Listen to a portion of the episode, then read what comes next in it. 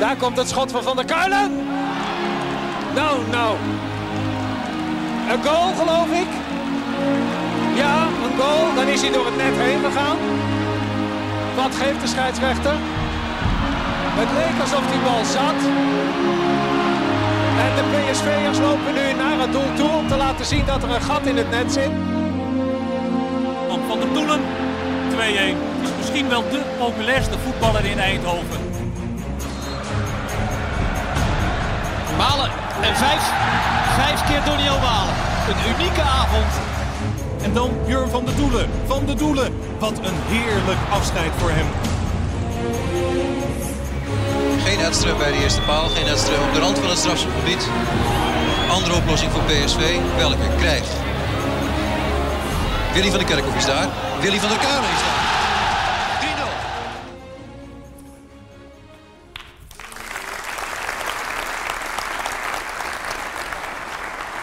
Uh, goedenavond. Oh, jij gaat voor zitten. Ik ga zitten, ja. Oh, ja, ja, ja, groot gelijk. Ja, even uh, ter intro. Uh, ja, wij zijn heel blij dat jullie er allemaal bent. Want anders zit ook maar voor een lege zaal. En, maar voor jullie ook heel fijn dat wij er zijn. ja, dat kunnen om lachen, maar het had heel anders kunnen zijn. even serieus. Wij wisten dus echt niet dat deze voorstelling geboekt was.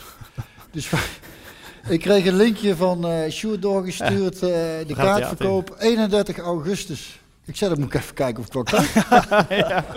Letterlijk. Dus we hebben even contact, Marco, en uh, we konden alle twee. Dus fijn dat we er allemaal zijn. Het is voor ons dus ook even kijken wat we precies gaan doen, hoe we het gaan doen. Marco, of jou is sowieso de eerste keer volgens mij dat je in een theater op een podium zit. Dus dat, is, dat, dat zal misschien een beetje onwennig zijn, want normaal doen we die podcast gewoon bij ons aan de keukentafel. Uh, Marco die komt er netjes om 11 uur binnen. Sjoerdjes keurig 10 minuutjes te laat over het algemeen. Terwijl hij het meeste te doen heeft. Eigenlijk. Uh, um, ja. Dus we gaan even kijken. We, gaan, we, gaan, uh, we hebben, we hebben twee gasten, eigenlijk drie moet ik zeggen. We hebben iemand die de boel opent. Nou, daar hebben jullie waarschijnlijk al een vermoeden als jullie trouwe podcastluisteraars zijn. Um, Frans mag ik wel verklappen, hè, want we gaan natuurlijk, of niet? Natuurlijk. Ja. En we hebben één gast uh, die zo aanschuift. Uh, oud-collega, een van de beste spelers waar ik ooit mee heb uh, mogen voetballen. En een ontzettend fantastische, leuke vent ook. We hebben net al zo'n verhaal op zitten halen dat ik niet hoop dat we al ons kruid verschoten hebben. Maar, maar goed, die komt dadelijk ook.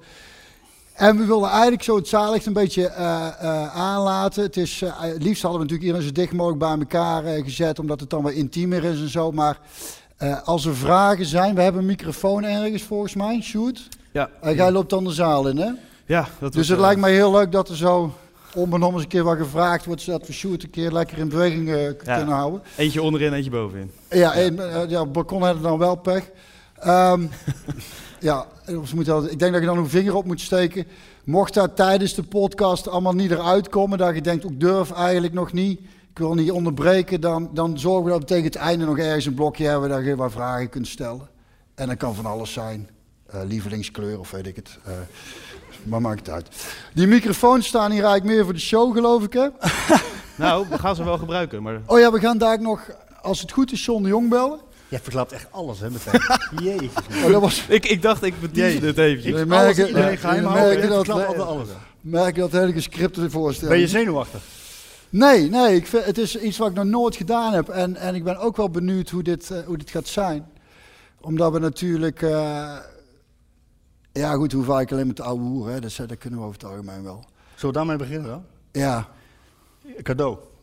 Wil je die openmaken? Heb je een cadeau onze, mee? Ja, ik zie dat onze, een van onze trouwste luisteraars... Cadeau van Mork van Bammel. Mork van Bammel. Ik weet niet Is hij er? Ja, natuurlijk. Daar zit hij. Ah. Bedankt. Is hij voor mij of voor Björn? Voor beide. Ah, Fles Sport, dankjewel jongen. Gaan we openmaken straks. Oh, laten we daar eens even mee beginnen trouwens. Inderdaad, omdat zowel jullie als wij op zijn komen dagen met een heel warm applaus voor onszelf. Hè? Lijkt me een hele goeie. Dankjewel. Sjoerd, jasje aan? Jasje aan, toch voor, wel. Voor het eerst? Dat ik een jasje aan heb? Ja? Nee, toen ik voor de avond slaagde. Nee. Zenuwachtig? Nou, ik, ik was echt helemaal niet zenuwachtig. Maar toen zag ik dat er daadwerkelijk mensen kwamen. Ja? Eh, toen Dat heb ik meestal ook Toen niet dacht ik, hoor. van, komen ze nou echt voor ons? Eh, Ja, dat vond ik wel bijzonder. Oké, ja, top. Maar niet zenuwachtig. Nee. En eh, we hebben hier een ding. Dus dit is... Nou ja, tijdens het gesprek straks. eh, maar het moet natuurlijk een mooie podcast setting zijn. Goed zo. En we gaan, de, het is Skieten Willy podcast seizoen 2, Oh ja. Maar jij bent al een beetje begonnen, hè? aflevering 4. Ja. Ik ben al een beetje begonnen. Maar als we hem echt willen beginnen, dan kan dat. Dan ga ik hem, ga ik hem erbij roepen. Hij was een beetje verdrietig. En ik heb hem gebeld en gezegd van Jan, zou je alsjeblieft willen komen? We hebben je nodig, ik heb je nodig. Toen zei hij, ik kom heel graag. Jan, kom erbij. Toeter Jan, dames en heren.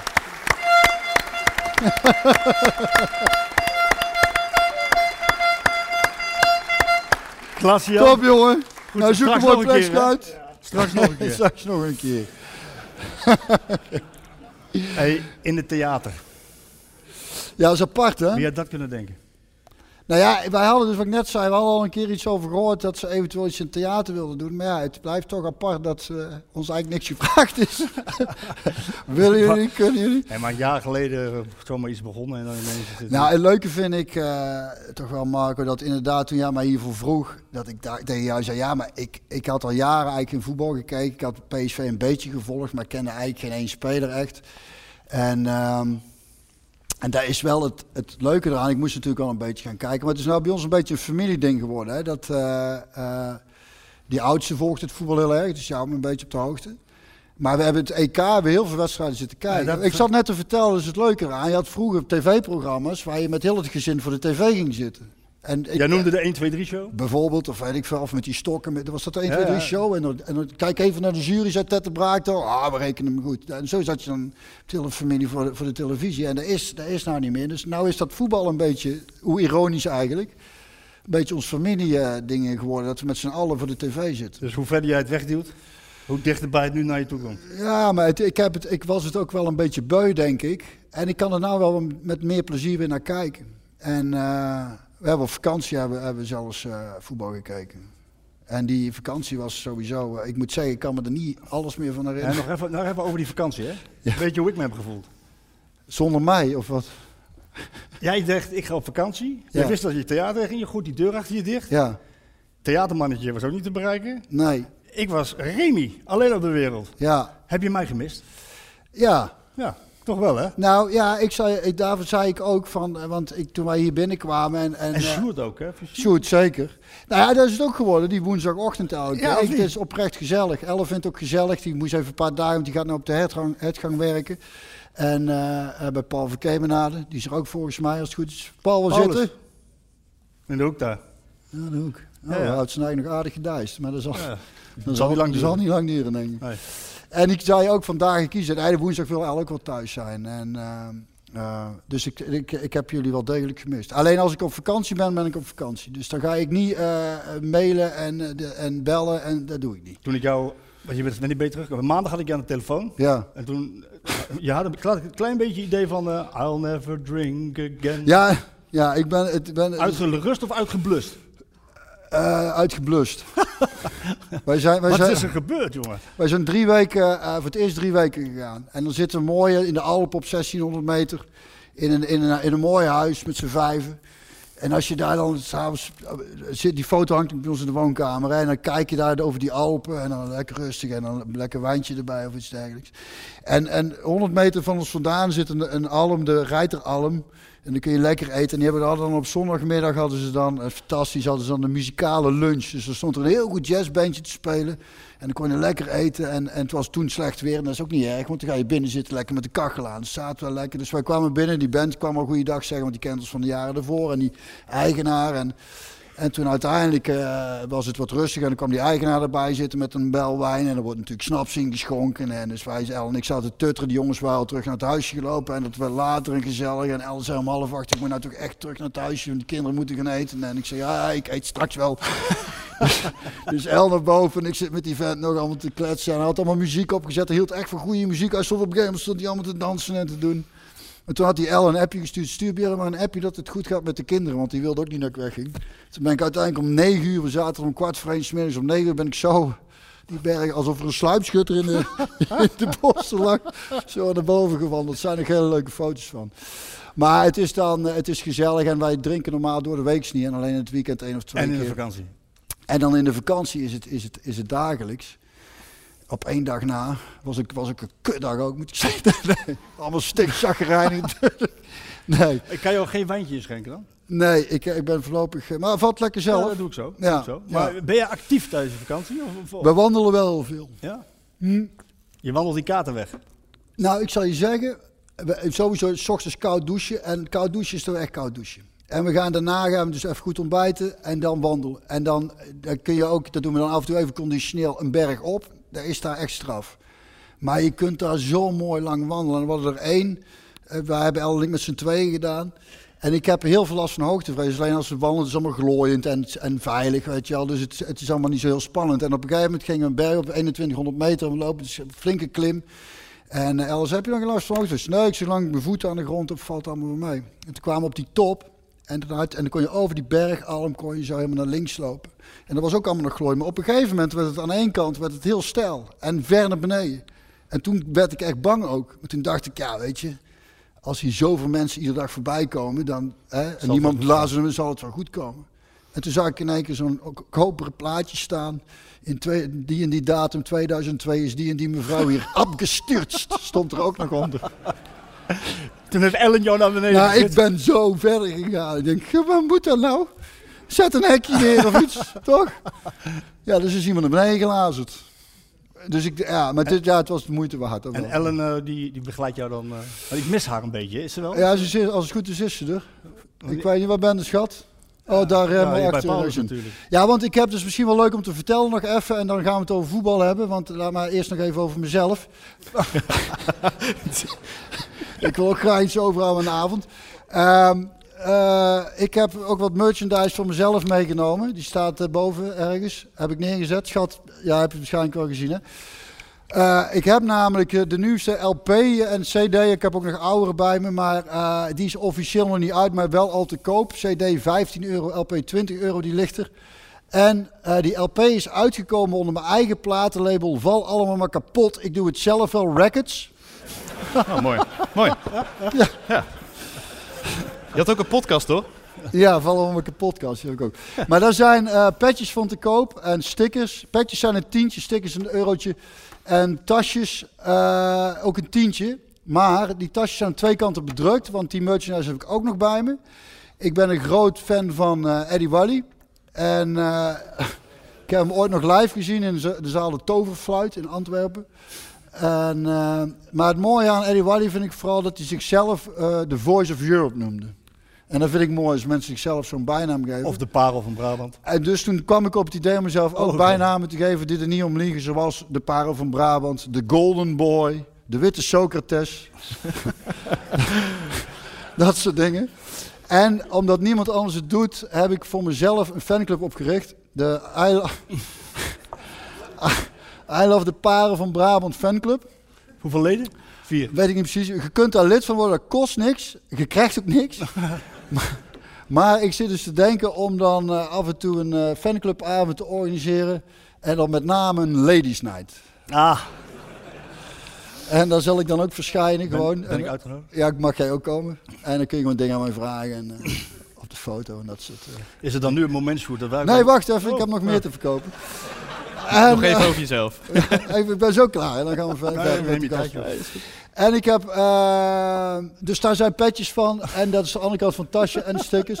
En dan het laatste ding wat ik nog te verkopen heb, dus gloed nu in mijn winkeltje, is... ehm, oh ja, dat was toen ik de Cava- Bavaria eh Carnaval Vrije campagne heb gedaan. Ik weet niet of je dat weet, mensen hier, misschien sommigen, was behoorlijk succesvol hier in het zuiden. En eh, toen vond El op een gegeven moment dat ik een beetje capsones kreeg. Want toen vroeg ze op een gegeven moment na het avondeten mij... eh, schatje, zou jij de tafel even af willen ruimen? En toen zei ik, eh weet jij wel wie ik ben? En toen ben ik, ben ik weer op de bank gaan liggen. Dus daar zijn ook petjes van met witte jij wel wie ik ben. En stickers. Dus Ja, je- moeten we even kijken. En je hebt nu ook je eigen, je eigen t-shirt, hè? Ik weet niet of jij... Ja, maar daar, daar heb ik mijn eigen verder niet mee bemoeid. Dat is via VI. Eh, ja, die kunnen dus ook kopen. Wat kosten die? Geen enkel idee. Ik zou voor die petjes Je krijgt gaan. ook helemaal geen ene stuiver voor. Ja, vol- volgens mij moet je een abonnement nemen en dan krijg je hem gratis. Oh, Oh, krijg je gratis. Als je ja, abonnement neemt, krijg je gratis. En wat krijgen wij, Sjoerd? Hoeveel krijgen wij ervoor? Niks waarschijnlijk. Ongeveer niks. Ongeveer niks. Oh.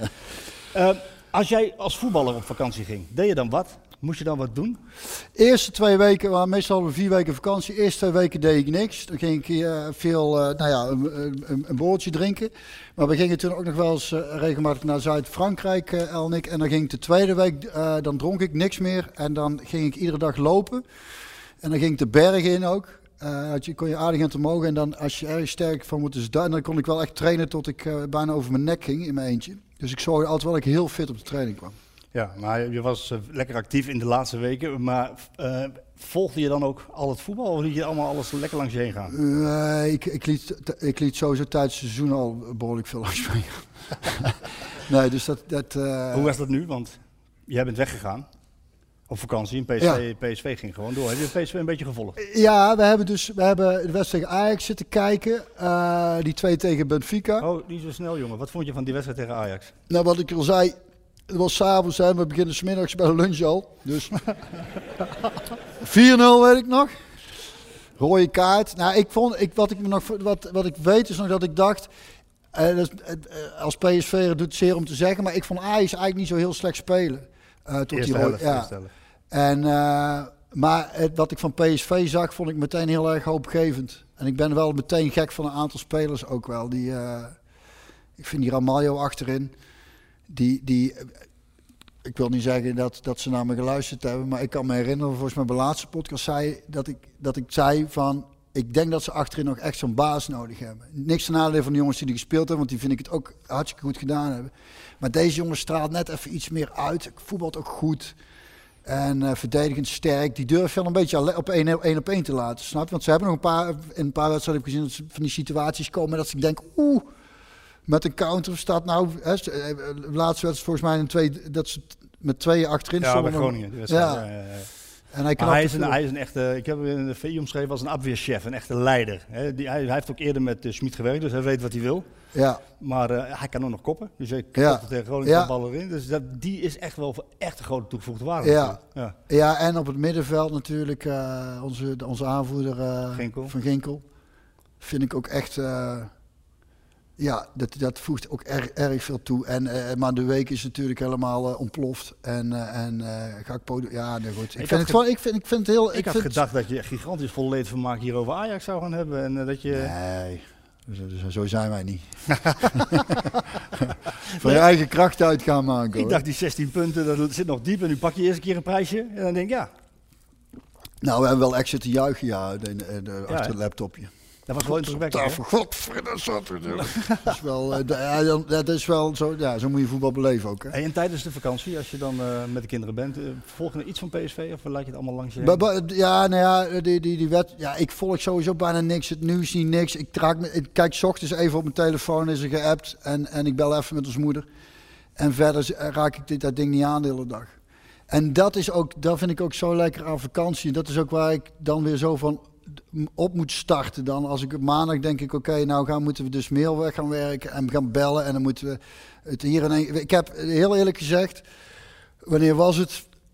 Eh, volgens mij afgelopen donderdag heb ik even die laptop opengeklept om dan even de vuilnis eruit te gooien. Zag ik een mailtje heb ik, en zag ik een draaiboek en toen was ik alweer bezig met van oké, ik moet nou vandaag dus dit doen. Volgende week hebben we voorstellingen met en daar heb ik toen anderhalf uur last van gehad. Dat ik dacht, vakantie is voor mij dat ik nergens aan hoef te denken, dat ik lekker kan wandelen, dat we alleen met me samen zijn, lekker zitten te kaarten. Snapte? Ja. En, en, ehm, En dus ondertussen, ondertussen, terwijl jij dat lekker aan het niks te doen bent. ben jij van alles aan het regelen? Nou, nee, in, ieder- nee, in, elk geval heb ik ge- gekeken naar PSV. Staat een heel ander PSV. In vergelijking met afgelopen jaar. Ja, ja, ja, ja, maar dat heb ik van wat ik ervan mee heb gekregen ook wel. eh.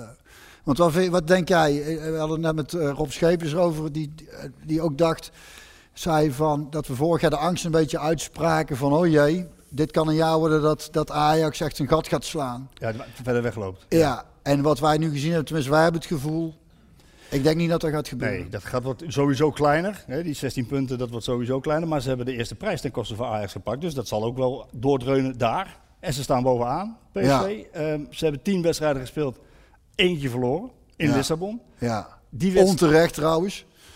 Wat een lelijke ploeg is dat, zegt dat. eh vind je niet? Ja, zeker. Maar vertel er maar over. Want als je die wedstrijd ziet en je, je kijkt naar die 0-0, Ja, dat was die, die kans van Zahavi, hè. moet die erin? Ja. Ja, nou ja, ik snap ook wel dat, dat er mis kan gaan. Het scheelt er maar weinig ja, als die zit. Maar onze Teun zei... En maar die, die oudste is- die kan zo ouwe hoeren. Hij zei, want ik zeg, ze hoeven maar 1-0 te maken, dan zijn ze. Nee, dat is niet meer, zei Ja, hij. was ook. Dat is wel toch? Nee. Niet meer. Jezus. Maar dat heb ik, ja, dat heb ik gemist. dat is veranderd. Vroeger had je toch een uitdoelpunt tellen toch voor twee? Ja, maar dat is afgelopen. Sinds wanneer? Sinds nu. Ja, nou, dat is toch niet zo gek dat ik dat niet meer weet. Nee, nou ja, goed. Je zoon is wel op de hoogte. Die weet ja, het wel. ja, ik geloof hem in eerste instantie niet. En die wordt dan ook kummelig omdat, ik, omdat, omdat het dan 0-0 blijft. En ik dan zeg, ja, maar ze hebben één nodig. Dat is niet waar, dat is wel waar. Nou, dus, dan is het binnengezellig. Ik had het met. Brugging had ik het over in de podcast. Die heeft jou even vervangen. Ja. Ehm, en en ja, die zegt van... En hij is spits, hij kan het weten. Jij hebt met hem gespeeld. Die zegt van ja, die bal van Zahavi, die kan die, die, kan die missen. Die, hè, zo, zo zei hij het. Hè? Ja, maar daarna toch niet.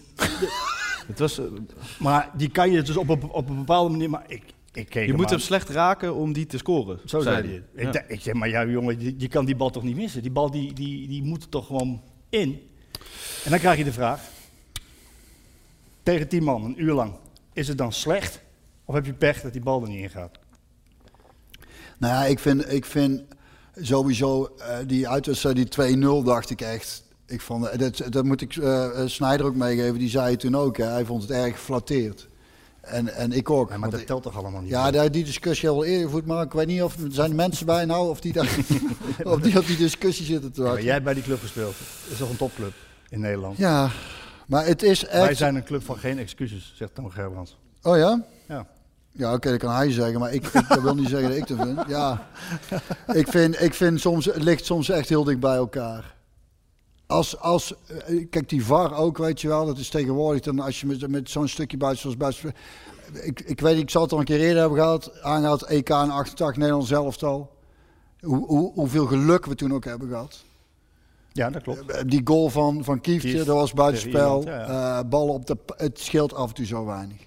En wat ik gewoon prettig vind om naar te kijken, is als ik PSV zie spelen, zeker nou, dan vind ik, dan word ik daar heel, ik, vind- dat- dan, dan, ik hou nog steeds wel van voetballen. hè. Het is niet dat ik minder ben gaan kijken, Nee, maar dan nee. denk, zit ik echt met plezier te kijken. Ja. Vind ik echt leuk. Nee, maar daarom zeg ik ook, het is een heel ander PSV. Maar het is gewoon zo jammer dat ze dat niet... eh, Wat ik zeg, ze hebben een fantastische voorbereiding gehad. Hele andere hiërarchie in de groep. Hele andere energie in de groep. En dan komt het moment dat je je moet belonen. En daarnaast, wacht even, daarnaast, eh, dat- want ik heb, we hebben elkaar heel lang niet gezien, hè. Ook dat EK en zo, die wedstrijden, heb ik, heb ik heel veel van gezien. Dus we hebben elkaar daar hier Ja, heel lang over gesproken. Dat is de eerste keer weer. Maar ik heb dus ook nog een documentaire zitten, te zitten kijken van, van Alex Ferguson. Hm. En die kwam bij Man United. En daar had ik godverdomme voor vanavond, had ik toch even iets moeten voorbereiden. Die had, eh, hoe lang dat geduurd heeft voordat hij zijn eerste prijs pakte bij Man United. En jij zei vorig seizoen bij, over, over Smit, ja, we zijn maar een half seizoen bezig. Ja, we zijn al een half seizoen bezig. Al een half seizoen, dat is niks. Je ziet nou hoeveel progressie ze eigenlijk al hebben gemaakt in één seizoen. Ik vind dat vrij snel. En dan wil ik nog zien hoe ze zich verder. Want wat ook op een gegeven moment is, vind ik. Ze hebben nou zoveel goede spelers op de bank. En je mag vijf wissels doen. Dus ze kunnen heel veel. Ze hebben nou die spits gehaald. Of daar waren ze mee bezig. Te horen misschien zo van John. Dan gaan we John zo vragen. Maar die is rond. Carlos Dus je hebt heel veel, eh, heel, veel, eh, heel veel goede spelers. Je hebt die Prupper ook nog, hè? Die, Ja, ja. Die, die, die, eh, die, die om een paar keer is ingevallen. Daar wordt het ook niet slechter van, hè? Ja, ik vind het wel een beetje te makkelijk allemaal. De helft van de zaal die vindt me altijd te kritisch. De andere helft van de zaal die zegt tegen mij van... Hey, wees eens wat kritischer. Maar het is wel een beetje te makkelijk door te zeggen van... Ja, we, ja, we zijn groeiend, het is een proces. Hij heeft natuurlijk wel heel veel geld mogen investeren. Ja, ja, ik ga je altijd met toe geld. Is wel zo. Ja, dat is ook zo. Is, is nee, maar dan mag je dan toch ook wel wat verwachten. Zeker Ja, maar- bij- als je drie, keer, drie jaar geen kampioen bent geworden, dan mag je toch verwachten dat je kampioen hij, wordt. is toch ook, hij is nou toch aan het bouwen ook? Ja, maar Het bouwen wel- bij PSV, dat was eerder gehoord. Marco, echt waar? Ja. Het is toch, je ziet het toch overal? Oké, maar ik heb het letterlijk gevraagd. Het gaat Hallo. omhoog, het flikkert in elkaar, iemand bouwt weer iets op en die gaan weg, flikkeren in elkaar. Ik vraag van mijn zoon, bij Arsenal PSV staat nou uh, onderaan. Onderaan, Ja, ja. kunnen we nagaan. Ja, dat moet, Dan, en ja, dat zal ook wel een keer opgebouwd worden. zeker, maar bij PSV bestaan geen tussenjaren. Nou, wel.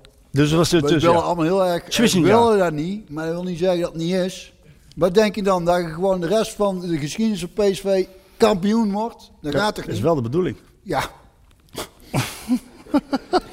Ja, daar heb ik ook het liefste. Maar aan de andere kant eigenlijk ook niet. Nou, wat ik dan weer niet... Als je alleen maar altijd wint, is het niet leuk. Nee, Daar hadden we het ook over vandaag. Ja, we weten niet wat het wordt. Misschien wordt het een groot fiasco. Ik zei, ja, dan is het dan zo. Maar dat is achteraf weer een heel leuk verhaal. Dat zijn de leukste verhalen. Ja. ik heb zoveel kutoptredens gehad. Dat zijn de leukste verhalen.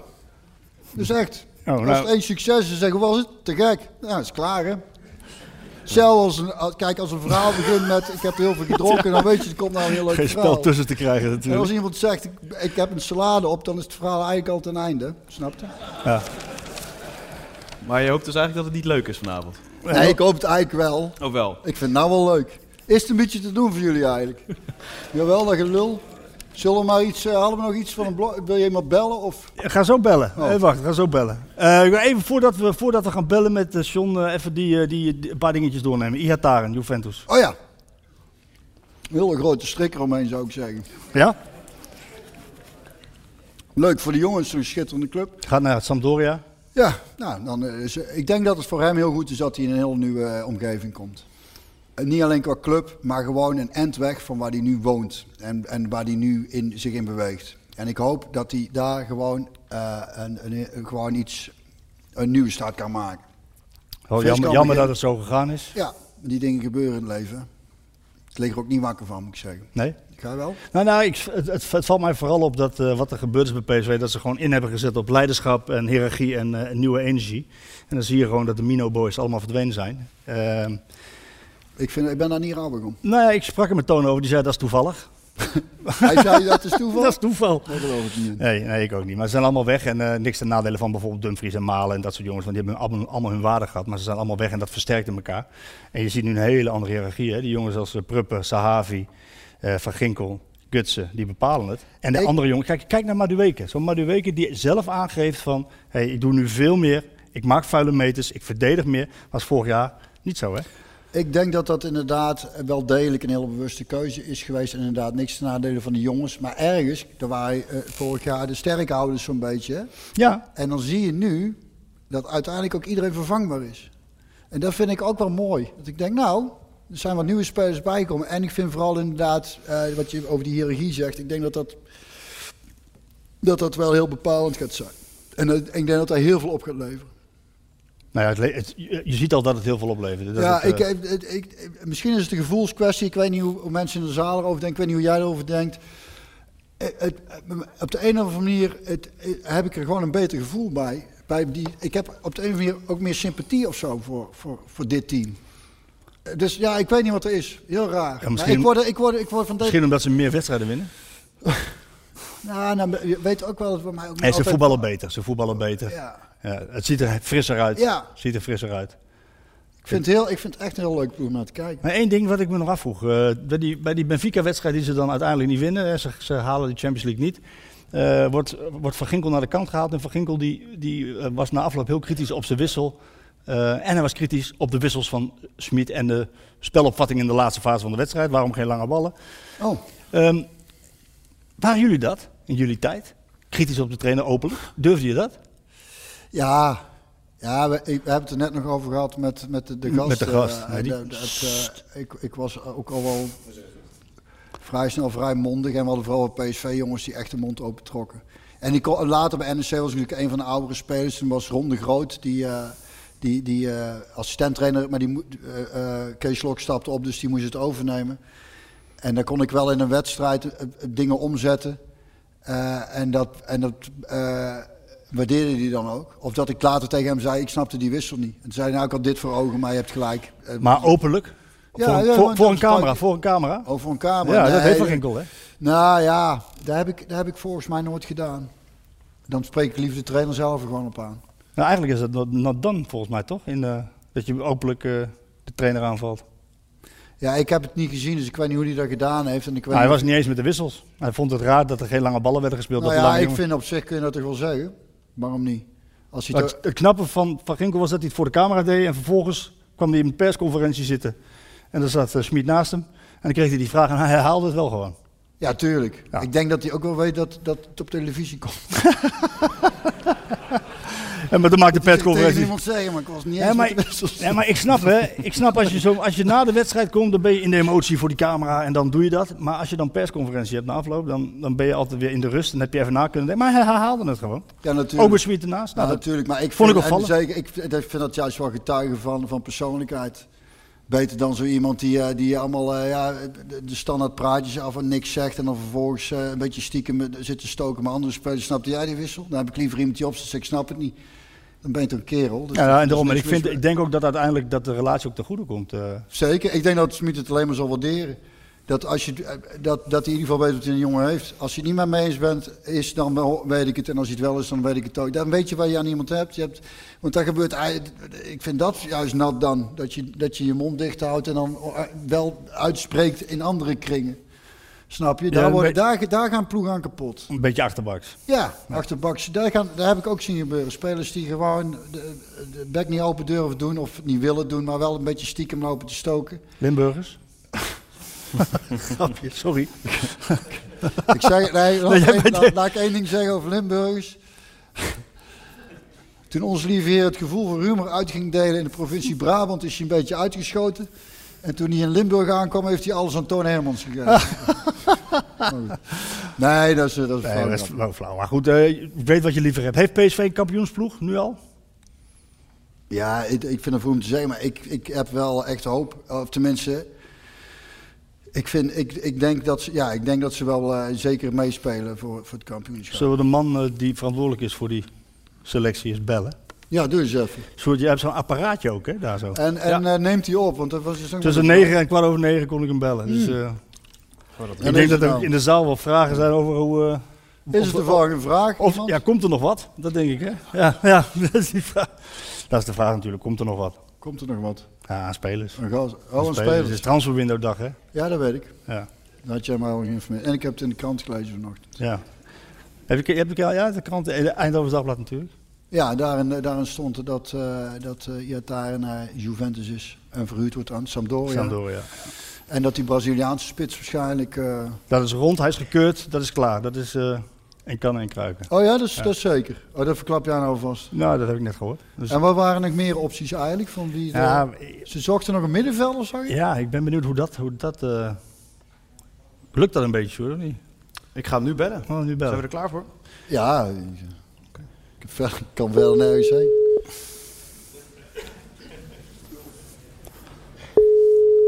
Spannend. Dan moet ik meteen aan, aan eh, Herman Vinkers denken. Geen jager, geen nee. Geen ja, geen negen. Als je het niet opneemt, is ook een goed teken natuurlijk. Ja, ik weet niet. Als hij niet opneemt, geven ze een telefoonnummer door aan iedereen hier. Goedenavond. Hey, John, goedenavond. Moeten we hierin nou of niet? Ja. We Ja, moeten in de microfoon Hallo? Hallo? hi John, hoor je ons? Eh, niet zo heel goed. Oké, kunnen we daar wat aan doen, geluidsman? Kruiper. helemaal Dichter tegenaan. Nu dan, John. Ja, ik, ik, ik hoor je, maar het is niet... eh, Nog vol in de microfoon. En mij, hoor je mij? Ja, precies hetzelfde geluid. Het is niet heel hard, maar Oké. Maar we moeten het hiermee ik, doen. ik kan eh. je verstaan. Oké, John, hoe gaat het? Goed, Leef je nog, nog? op het stadion. Ehm, we zijn eh, met de laatste dingen bezig rond uh, Oh, oh, oh, oh. Vinicius. Eh, we hebben net alles afgerond, dus eh, ik ben eigenlijk toe aan wat te eten en eh, misschien ook wel wat te drinken, maar daar zullen jullie, als ik Björn ken, vast wel mee bezig zijn dan. Ja, ja klopt. Hij heeft ro- rode wijn, witte wijn voor zich. Maar hij heeft een beetje vakantie Ja, gehad. Daar is een toch. beetje klaar mee. Maar jij gaat nog op vakantie straks. Komen we zo op. John, hey, ehm, de mensen hier in de zaal, dat zijn er niet veel hoor. Niemand luistert mee. Die vragen eigenlijk, eh, komt er nog wat? Eh, nee. Dit was het voor eh, deze window. Ja, dit was het voor deze window. Ehm, we zitten nu nog met de spelen op het stadion. Wij proberen alles af te ronden. En nou ja, ik kan wel tegen jullie zeggen dat we denk ik over een minuut of twintig of een half uur naar buiten gaan via onze officiële kanalen. Dat, dit het, En dat is onze laatste transfer voor Ja. deze window. dat, is Ange- dat is die Carlos Vinicius, hè?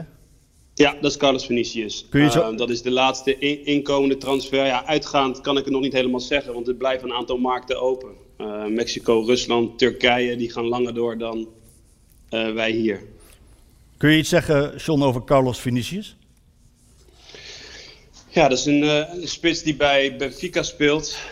Uh, nu voor ons komt spelen. is een grote speler, echt een nummer 9, linkspoot. Zij brengt wel echt kracht en lengte en, en, en, doelpunten met zich mee. Ja, dat is wel iets waar we nog naar op zoek waren in, uh, in onze aanval. En ja, we zijn blij dat hij voor ons getekend heeft. Kun je iets onthullen over de constructie? Want er waren wel wat uh, vraagtekens over. Hè? Huren, twee jaar en dan een, een verplichte optie tot koop. Of is dat allemaal onzin? Um, het is een, inderdaad een huur voor twee jaar. En uiteindelijk is het met een optie tot koop. Oké. Okay. Um, ben je tevreden over deze transferwindow? Je had je zaakjes goed voor elkaar in het begin, hè, met, uh, met de wedstrijden die kwamen, met Galatasaray, Midtjylland en, uh, en Benfica. Ben je tevreden over deze transferwindow? Ja, we hebben ons gelukkig wel vroeg kunnen versterken. Um, aan het begin al vijf transfers kunnen doen met uh, Van Ginkel, Prupper, Drommel, Moene, Ramaljo. Um, ik denk ook dat het belangrijk is dat we een aantal jongens hebben kunnen behouden. Er was natuurlijk veel er speelde veel rondom Noni. Nou, die hebben we gelukkig kunnen verlengen. Uh, ja, ook, ook Cody, dat zal jullie niet verrassen. Er, was, speelde veel omheen. Uh, dus ik ben ook wel blij dat we de, onze belangrijkste spelers hebben kunnen behouden. Ja, aan het einde hebben we um, een goede spits nog aan kunnen trekken. Dus ja, wat dat betreft ben ik wel tevreden. Uh, middenvelder waar nog over gesproken werd. Ik weet dat jullie de, die eigenlijk ook nog wat wilden, dat Smit die ook wil. Um, staat jullie er dichtbij of lukt het gewoon niet? Degene die je wilde? Nou, ik vind wel dat het dan echt een uh, van, van toegevoegde waarde moet zijn. En, en die konden we op dit moment niet vinden. Het was natuurlijk ook wel een bijzondere, bijzondere markt, moet ik zeggen, deze transferwindow. Veel, veel huurdeals. Ik denk dat er nog wel veel effect van corona uh, uh, heerst. Ik zie ook bij clubs om ons heen niet heel veel uitgaande transfers. voor zover ik het vandaag heb kunnen zien hoor. Want ik heb voornamelijk aan mijn telefoon gezeten. Dus ik heb niet zo heel veel kunnen volgen op, via media. Maar ja, het is wel een, het is wel een bijzondere transferwindow geweest. Dat ja, die is anders dan anders. Hè. We hebben ook heel veel dingen voorbij zien komen. Heel veel gekkigheid. Uh, van Boateng tot aan Insigne. Wat is nou het gekste wat jij hebt meegemaakt uh, in deze window? Het gekste wat ik heb meegemaakt? Ja... nou ja, wat, wat wel leuk is om te vertellen misschien... dat uh, op het moment dat tijdens onze wedstrijd van afgelopen zaterdag, um, en misschien ben jij er niet blij mee dat ik het zeg, maakte jij bekend en, en Rick Elfrink bekend ja. dat Luc de Jong uh, dicht bij een akkoord was voor PSV. Maar ik wist al een week dat dat totaal niet was.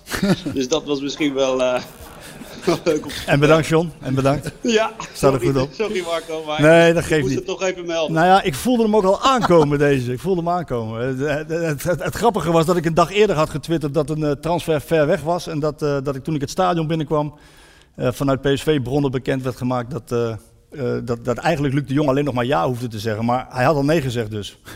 Hij had al een week ervoor nee gezegd. Ja. ja. Dat scheelt best. En nu gaan de geruchten dat hij naar Barcelona gaat. Hè? Ja, ik, ik, ik lees het net. Maar het is toch een ABC'tje dat hij volgend jaar dan terugkomt. Hè? Samen met die grote spits in de, met z'n tweeën? Ja, ik, ik, ik, ik, zou hem heel graag terug willen hebben. Dat, uh, nou ja, dat, dat steek ik niet onder stoel of banken. Maar als ik voor drie jaar voor Barcelona zou kiezen, dan denk ik dat het lastig is om hem dan naar Eindhoven te halen. Dus als dat daadwerkelijk waar is, ja, dan, dan zal dat ook moeilijk worden. Maar wij hebben altijd contact gehouden met Luc. En Luc heeft wel echt ook aangegeven al in, in het begin van de window...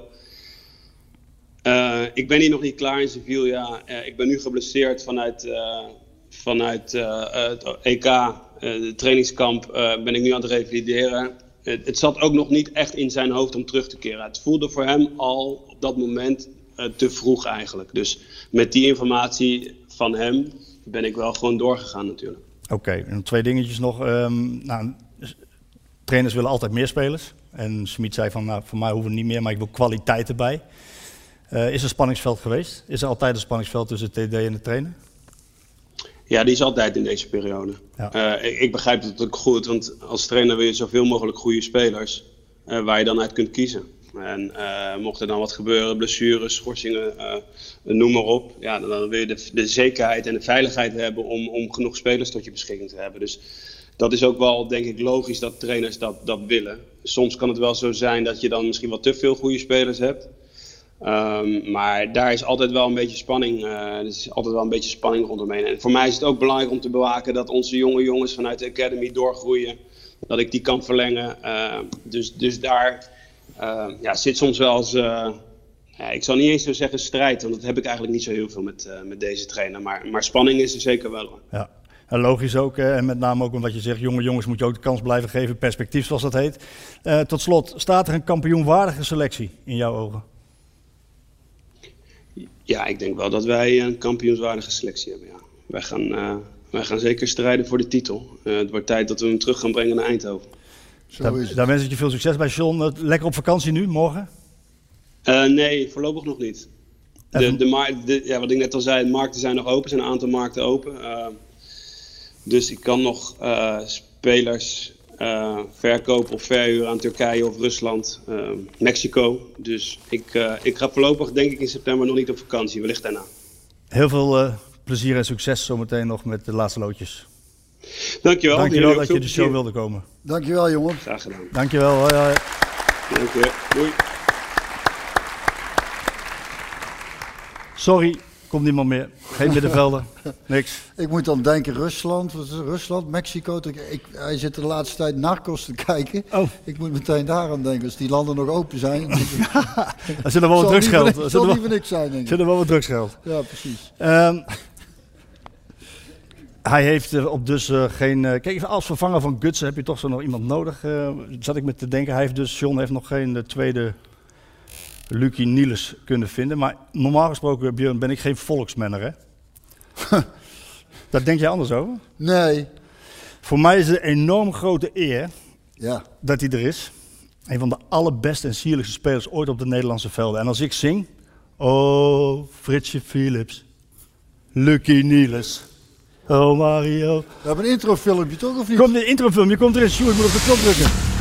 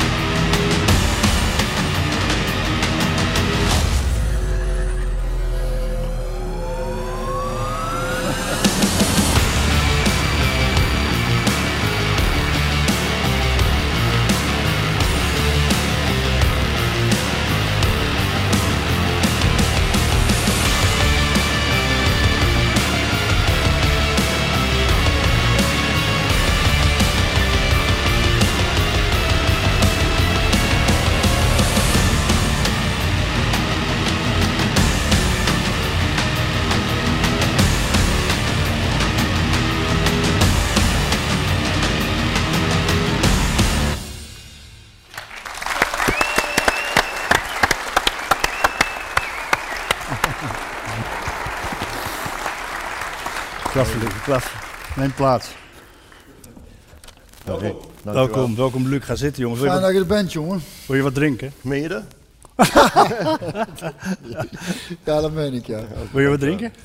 Water of wijn? Eh, of witte rood- wijn? Rood wijntje. Rood wijntje? Ja, zeker. Eerst een beetje te Het is drinken. wel nog niet Het weekend, is, maar het is een? Ja, eh, het verrekken. we doen alsof het weekend is joh. En je hebt wat te vieren hè? Ja, toch wel, ja. ja. Hij heeft een nieuwe baan. Applaus. Hij heeft een nieuwe baan. SV Bilicia. Zeg ik het goed? Zeg Felicia Bilden. Bilicia Bilzen. Klinkt anders als PSV Eindhoven natuurlijk. dat is ook wel te zien eh, in de kwaliteit natuurlijk. Maar ze hebben, zo, je vertelde, ze hebben zondag de beker gewonnen. Nee, Nee, ze zijn een ronde verder in Oh, de een ronde verder, sorry. Zwarte Ja, Leeuw. Zwarte Leeuw. Ja, dan moeten ze eerst nog Anderlecht, Genk, Brugge kloppen en zo. Dus, dus in die pool kunnen ze nu terechtkomen. Dus ik denk niet dat dat... eh, Maar hebt ze meteen twee dagen vrijgegeven, zeiden ze. Ja, de- omdat ik vanavond hier moest zijn. ik had de wedstrijd gezien zondag, ze hadden gewonnen. Ik zei, jullie kregen gelijk van mij twee dagen vrij, dus ik kan nog niet meer stuk. Dat is een zou goed, een trainer voor begin. mij zijn, denk ik. Ja, andere jonge jongens met talent, dus eh, een beetje vergelijkbaar met jou. Ja, jij vertelde net een verhaal, dat kon ik me niet meer herinneren. Daar jij net bij PSV zat, in de spelers om nog na zaten te borrelen. En dat jij op stap wilde en ik naar huis. Ik zei, dat moet echt helemaal in het begin dat zijn ben jij geweest. niet. Dat ben jij niet. Dat Maar kan ik niet. mocht niet mee naar huis. Ik of mocht niet naar huis, ik moest mee op stap. Dus zo, het is eigenlijk door hem gekomen. Alles. Alles. Hij wou nog de voorbeeldfunctie geven als jonkie. Nee, nee, ik moet naar huis morgen trainen. ik zei, nee, nee, jij komt mee, want ik ken Eindhoven nog niet. Jij moet ons mij de weg wijzen. Ja. En dat is Dus gelukt. eh, zijn we gelijk... eh, Die hebben we gevonden. Waar zijn we weer beland? Straat om Zijnd? Stratum Zend. En ik denk de Miller Time, dat was toen het stamcafé van ons. Dus dat was goed, ja. Fijn dat je er bent, eh Luc. Enorm grote, enorm grote eer. Mm. Ook voor mij, dat je, dat je hier zit. Ik heb ontzettend van je genoten altijd eh, op de Nederlandse velden, wat je allemaal gedaan hebt. Was, was bij PSV, was dat nou je, was dat je mooiste tijd? Absoluut, ja. Ja? Dan moet Jij ik- natuurlijk bent ook succesvol in België geweest, bij Anderlecht. Wel, acht jaar Anderlecht gehad, was ook eh, vier keer eh, de, de titel gewonnen, een paar keer eh, de dubbel gewonnen, Supercup. Maar nee, in PSV was ik toch meer mezelf. Ja. Ik denk, voor mij PSV, dat was net als thuiskomen. Ik dacht, ja, ik wil ook eens in het buitenland voetballen. Was Eindhoven. dus ik, Om de hoek. het was om de hoek. Maar ja, het was toch buitenland, het was Nederland. Maar ik was sneller in Eindhoven als in Brussel, dus dat viel best mee. En ik ben er in een zo'n warme familie terechtgekomen, vergeet ik nooit. Dat was nog met eh, de familie van Kemenade, met Harry. Paulus zit er, hè? Paulus. Ja. Hoi Paul. Jouw ouders die waren geweldig, dat weet ik nog. Dat was zo'n warme mensen. Eh, Je voelde je daar zo, zo welkom. Ja, en daarna is dan Paul, Lisbeth gekomen ook. En, en ja, dat was eh, van dezelfde familie, die mensen. En die hebben mij daar altijd zo doen thuis voelen. Zelfs de dag van vandaag nog. Ja. Eh, voel ik mij zo welkom altijd eh, als ik hun terug zie. En dat is gemeend, weet je, dat kan je niet spelen. En ja, dat, dat zijn ook vrienden gebleven voor heel het leven eigenlijk. Dat zorgde er ook voor dat jij, dat jij je goed voelde en dus ook heel goed speelde. Want je- Absoluut. Ik was iemand die als speler mij echt thuis moest voelen om, om, om ook te kunnen presteren. En dat kreeg ik van dag één daarmee, voelde ik mij daar gelijk thuis. Ik kan ook nog een mooi verhaal vertellen waarom dat ik mij zo thuis voelde. Ik had acht jaar Anderlecht gekend. De kampioensvieringen werden daar gevierd in Comchiswa. Dat was een sterrenrestaurant. Moesten we er allemaal in een pak en een kostuum zitten. Dat was allemaal zo gemaakt. Dat was echt niks voor mij. En de eerste kennismaking in PSV was... De competitie was nog niet begonnen en we hadden toen met de voorzitter, dat was denk ik Bill Maier nog Ja, in die tijd, ja. mijn eerste jaar. En we werden bij zijn thuis uitgenodigd in een buitenweg in Eindhoven ergens, in een villa. En we moesten allemaal in, in zo'n kostuum aan, een matrozenpak aan. Nou, dat was gewoon carnaval. Oh, dat voelde je goed. Het seizoen was nog niet begonnen en het was die dag iedereen totaal los. Carnavalmuziek op feesten. En ik zeg, hier ben ik in de Hier gaan nog mooie dingen Dat ben ik nooit vergeten. Ja. Maar het zorgde er ook voor dus dat je vanaf het begin heel goed voetbalde. Hè? Je, je reeg de persoonlijke prijzen aan elkaar. Je ging met, eh, met PSV titels pakken. Eh, hij zit naast je. Spaar hem niet. Wat voor, wat voor voetballer was hij? Bjorn was iemand die als jong broekie kwam kijken, net. Maar ik kwam van de periode Anderlecht-Brussel en daar als jonkie had je totaal niks te vertellen. De ouderen waren baas en daar moest je, moest je niet op een massagetafel gaan liggen, want ze gooiden jou er gewoon vanaf. Daar mocht je niet liggen. Dat was alleen maar voor de ouderen bestemd. Dat was niet voor bestemd voor jonge gasten. En ik kwam in Eindhoven en ik kwam Bjorn tegen en het was zo'n levendig ventje. Die had lak en alles. Die keek niet naar de ouderen, niet naar mij of weet ik veel. Maar dat maakt het ook des zo mooi. Eh, ik denk dat we vanaf dag één een hele leuke klik hadden. Ik heb, ja, ik heb het ook al eerder aangehaald, want dat vond ik ook het mooie eraan, de grote speler die jij eh, toen je binnenkwam al was en later ook, dat ik als kleine jongen, eh, bankzitter, dat ook ko- kon doen. Luc, als, als, als ik zei van je moet je man, je moet je man hij zal misschien gedacht hebben lul, maar, maar hij, hij, hij, hij ging me niet aflopen, zei ik. En, en, en, eh, en maar dat was het mooie, want eh, ik heb er ook wel eens aangehaald, ik weet niet of jij dat kunt herinneren. Eh, ik heb het in die podcast een keer verteld. Toen viel ik in thuis tegen, ik weet niet, Vitesse of zo. We stonden 1-0 voor en moesten winnen natuurlijk. En, en ik maak een overtreding net randje 16. En wij gaan in die muur staan en jij staat naast me en zegt: Als deze erin gaat, maak ik je helemaal af. Ja, Dus schoten ze hem godzijdank over. herinner ik mij niks meer. Nee, dat dacht ik al. Maar dat was mooi en dat was denk ik ook de kracht van dat team. Dat, dat, dat, Absoluut, dat, we, dat ja. we, sowieso elkaar allemaal heel graag mochten. Elkaar aanpakten als het nodig was. En, en, en toch allemaal respect voor elkaar. Dus ik had niet het idee dat Luc op mij neerkeek. Omdat ik veel minder kwaliteit had of iets dergelijks. We waren toch wat dat betreft, leerden we, ja, eh, had ik wel het gevoel dat ik Nee, maar- want ik wist net, als ik mijn mannetje laat lopen, dan pikt Bjorn die wel op. dat deed je dan ook. Dus ik moest er goed bij hem blijven staan. Maar nee, het mooie was, ondanks dat hij jong was en niet altijd basisspeler was, hij hield heel de boel eigenlijk scherp door zijn manier van trainen. Het enthousiasme, ook eh, erop invliegen op training en zo. Maar dat hield iedereen wakker en eh, dat was ook zijn kracht. En, en iedereen waardeerde dat ook wel. Ook Eén keer, heb je, keer heb je extra genoten hè, toen hij het deed. Ja, één keer was het laatste jaar met Erik Gerrits, dat vergeet ik nooit. we speelden 11 tegen 11 en Erik Gerrits deed een keer mee op training. En er was een, een inworp en Bjorn tegen Erik Gerrits op, nee, het is voor ons ingooien. En Gerrits zei niks van, wij is voor ons ingooien. Hij pissig, pissig en, en hij zei, hey, Gerrits gooit en ik pak hem zes wel terug. En even later gooit hij er een vliegende tackle uit. op Gerrits. Het stom kwam uit zijn oren. Hij zei, maar hij had hem terug. Ja. Dus eh, daar keek je niet naar Het op. was ook een ingooi voor ons trouwens.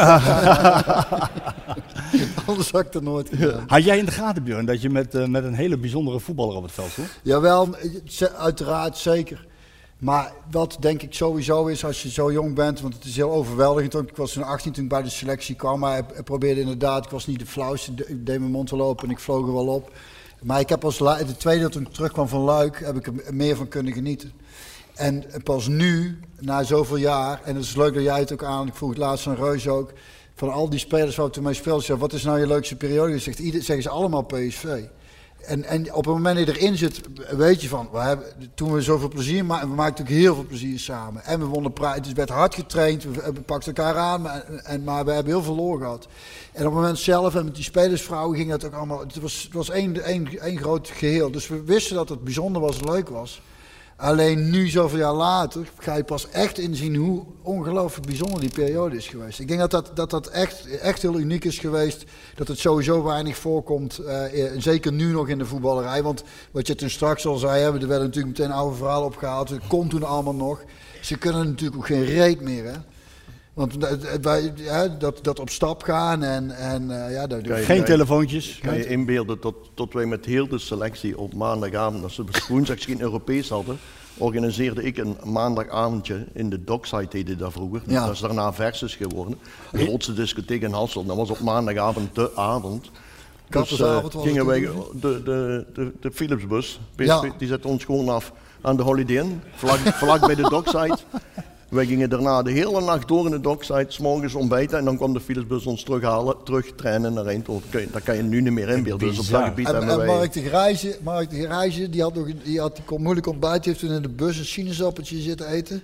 En die kwam dus kotsend die bus uit op de training op de uitgang. Oranje. En trainen. En, en tra- ja, daar kun je nou dus inderdaad echt niks meer over Ja, dat was, dat was geweldig. Geweldig moment ik beleefd. hè. Jullie, jullie zijn blij dat, dat er toen geen mobieltjes, mobieltjes, Ja, telefoontjes... dat was toen niet. Wij kenden dat toen Nee, dat is toch fijn, hè? Eh, Of, of er waren mobieltjes misschien, maar, maar dat was dan niet ontwikkeld op Facebook of Twitter of Instagram, weet ik veel. Wat vind jij daarvan? social Ik, media. ik, vind dat, ik vind dat, vooral die tijd, dat was zo juist, niet alleen dat was het prettig aan, maar het gaf veel meer rust. Ik denk dat je daarin ook, volgens mij las ik vandaag in de krant dat Van Gaal dat aan heeft gehaald met Nederland zelf al. Dat jongens, als jullie bij elkaar zitten, vat dan niet meteen die mobiel, maar ga een keer bij elkaar zitten ouwehoeren. Dus, en dat, snap je? Dat is ook, eh, als je iets op wilt bouwen, moet je ook samen plezier maken. Al is het maar even een beetje kaart of, of een beetje met elkaar gaan zitten. Nou, of stappen. Of Ja, stappen, stappen. maar- Ja, dat vind ik altijd het beste al- Je medicijn. was wel altijd samen bij elkaar, Ja. weet je. Je was altijd bij elkaar bezig. Ook na wedstrijd, na trainingen. Dus zelden dat ik iemand direct naar huis heb zien gaan. Ja. We bleven altijd hangen. En eh, ja, dat was zo. Ja. Weet je, nog, eh, we- weet je nog de eerste keer dat je met hem op het eh, voetbalveld stond? eh, of, Het officiële zal wat later in het seizoen zijn geweest, denk ik. Officiële wedstrijd. Heel veel blessures en schors. Officiële wedstrijd. Ik hoorde hem straks nog iets vertellen dat hij zelfs nog in de bekerfinale had gescoord. Ja, de Dus dat- 5-2 dat- dat- in de blessuretijd. Ja, ja. Daar kon je dus ook. Nou, het is wel een mooie goal, moet ik Ja, zeggen. ik herinner ze mij niet meer. nee, jawel. En jullie stonden voor het eerst met elkaar in het veld bij jouw officiële debuut. Ja, dat- dat- mijn debuut bij Utrecht uit. Bij jou bij Utrecht. Ik heb het opgeschreven. Gorter.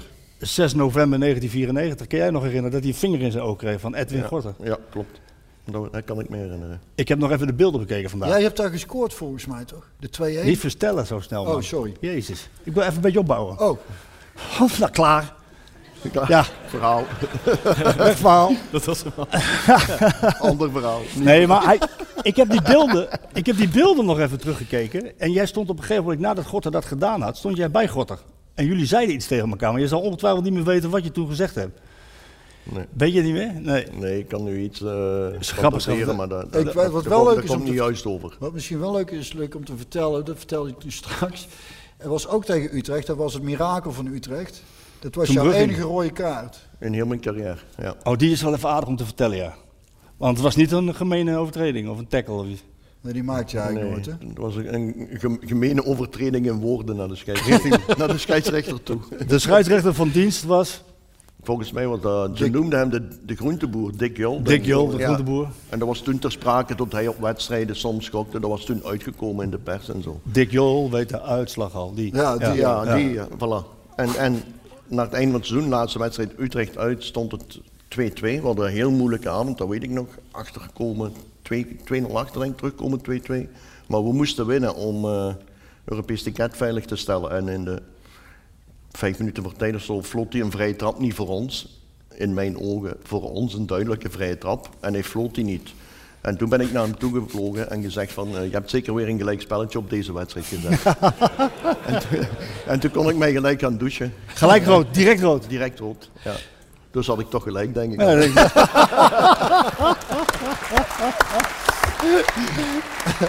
Maar het mooie van die wedstrijd was wel, ondanks die rode kaart, scoorde Arnold Brugging in de 93 minuten 2-3. Dat was een bijzonder. hè? Dat was het mirakel. Daardoor gingen jullie naar de, Ja. nog de Champions League in. Toen heeft eh, de paus Bobby Robson ons. gebeld en de Voor ons, kleedkamer. Ja.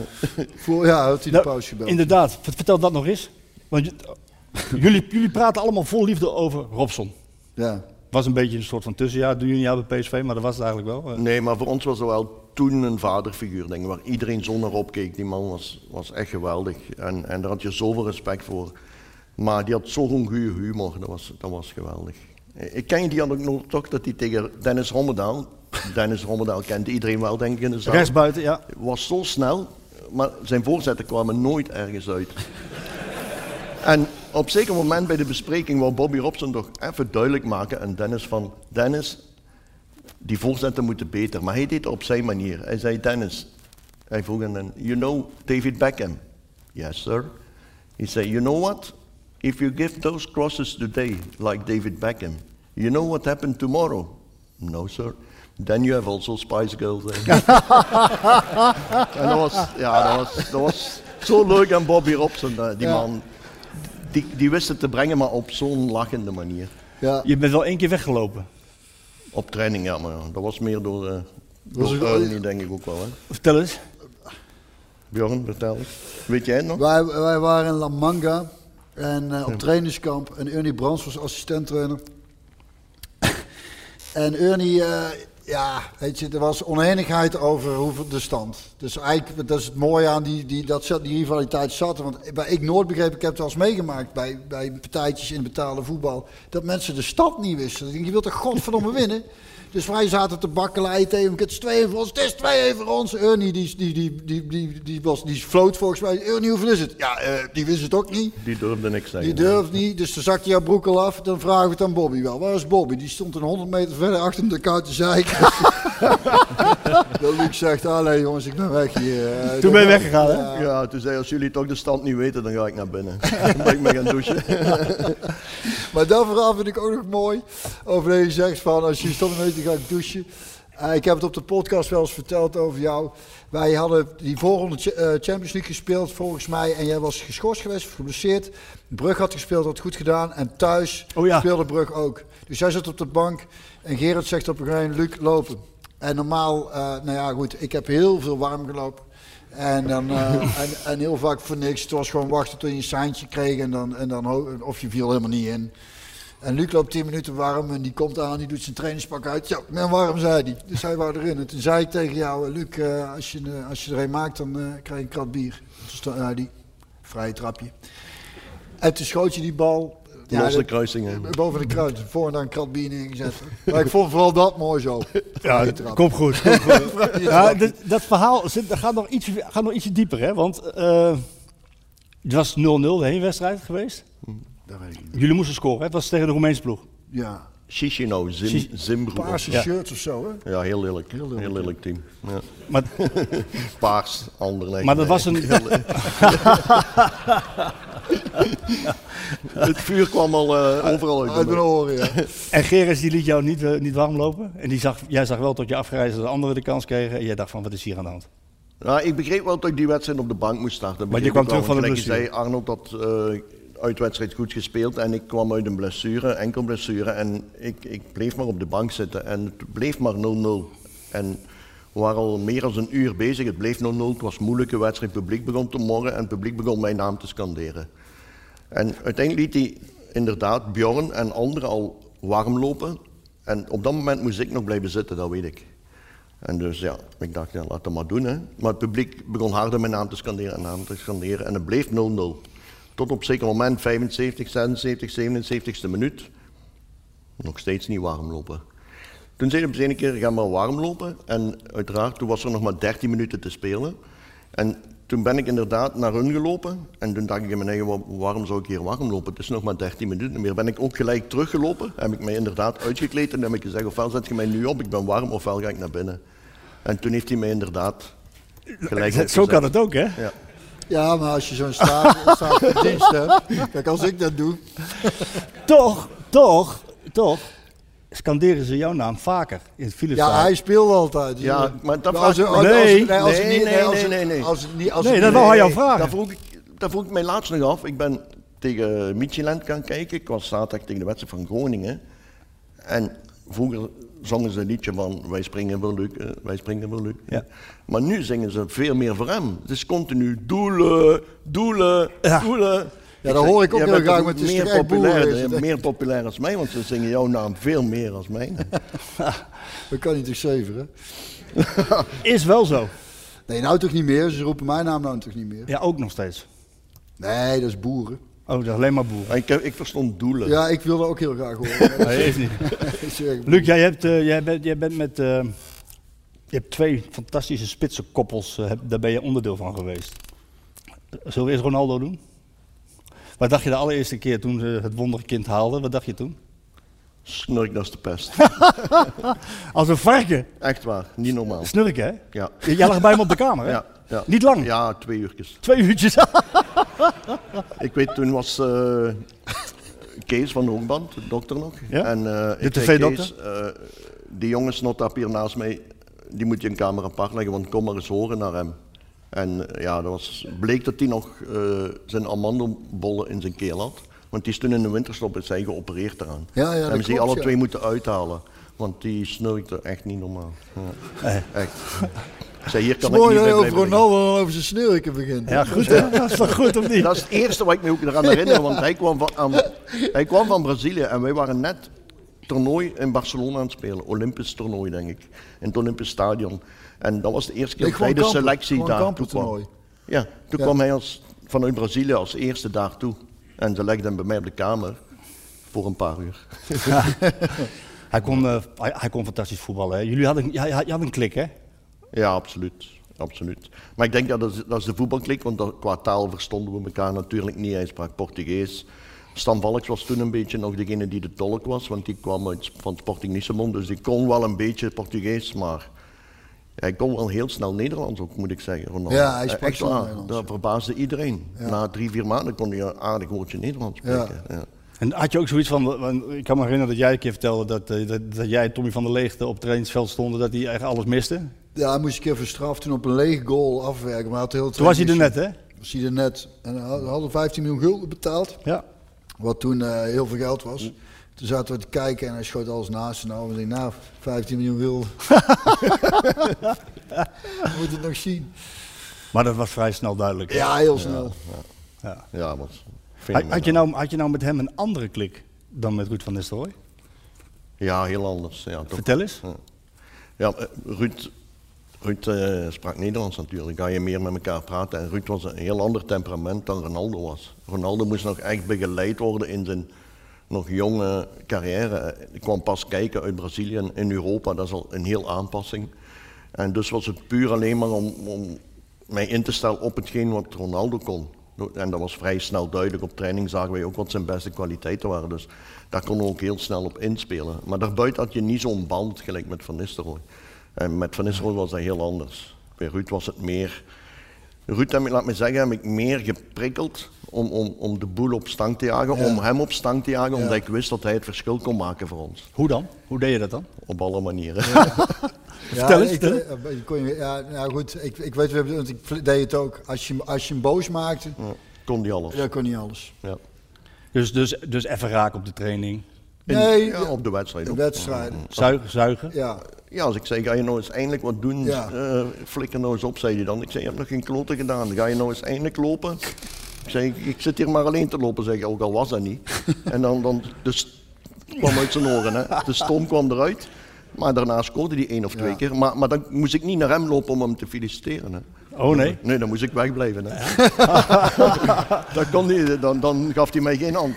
Wat ik me afvroeg, hè, Luc. Daarna hebben we daar vaak om gelachen. Ja. Ja, natuurlijk. jullie waren natuurlijk ook een tandem. Hè? Dan, dan voel je elkaar aan en dan weet je ook elkaars nukken op een gegeven ogenblik. Eh, ik, ik kan me, wat, wat ik me afvroeg is van, is er ooit strijd geweest? Want hij was natuurlijk echt een pure afmaker. Nou, jij kon allebei. Je, je bereidde veel voor en maakte ook veel af. Is er ook strijd geweest? Nooit. Zoals bijvoorbeeld uh, nou, Mala Sahavi, vorig jaar toch een beetje? Nee. nee? Totaal niet. Nee.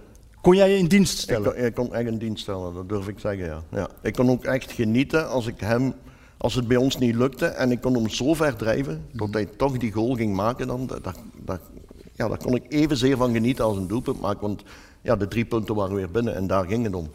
En, en daar kon ik wel echt van genieten, ja. Is hij de meest gedreven voetballer waar je... Die ik heb gekend wel. Ja, hè? Als aanvaller zeker, ja. ik denk dat er weinig zijn die zo'n Ja. zo'n Zo'n drive hadden, ja, absoluut. Niet te min scoorde jij, want hij maakte 31 en 29 goals in één seizoen. Dat is niet normaal. Nee. Maar jij, jij scoorde ook 24 en 19 goals. En Brugge ging ook nog gevraagd. Dat was echt eh, bizar dat je toch nog tot zoveel goals kwam. Ja, maar Met dat zo'n ook- spits. Dat waren ook onze mooiste jaren, toen onze beste jaren denk ik ook wel. Hè. Ja, dat was echt. eh, maar nu heb je ook tegenwoordig moderne voetbal. Zijn er ook veel middenvelders die moeten kunnen scoren. En, Mhm. en verdedigers die op veel op stilstaande fase scoren en zo. Maar, maar vroeger, denk ik, als je vroeger de doelpunten zag van PSV, dan, dan was het Ronaldo, Niels, eh, Van Nistelrooy, Niels. Af en toe had je inderdaad Brugging.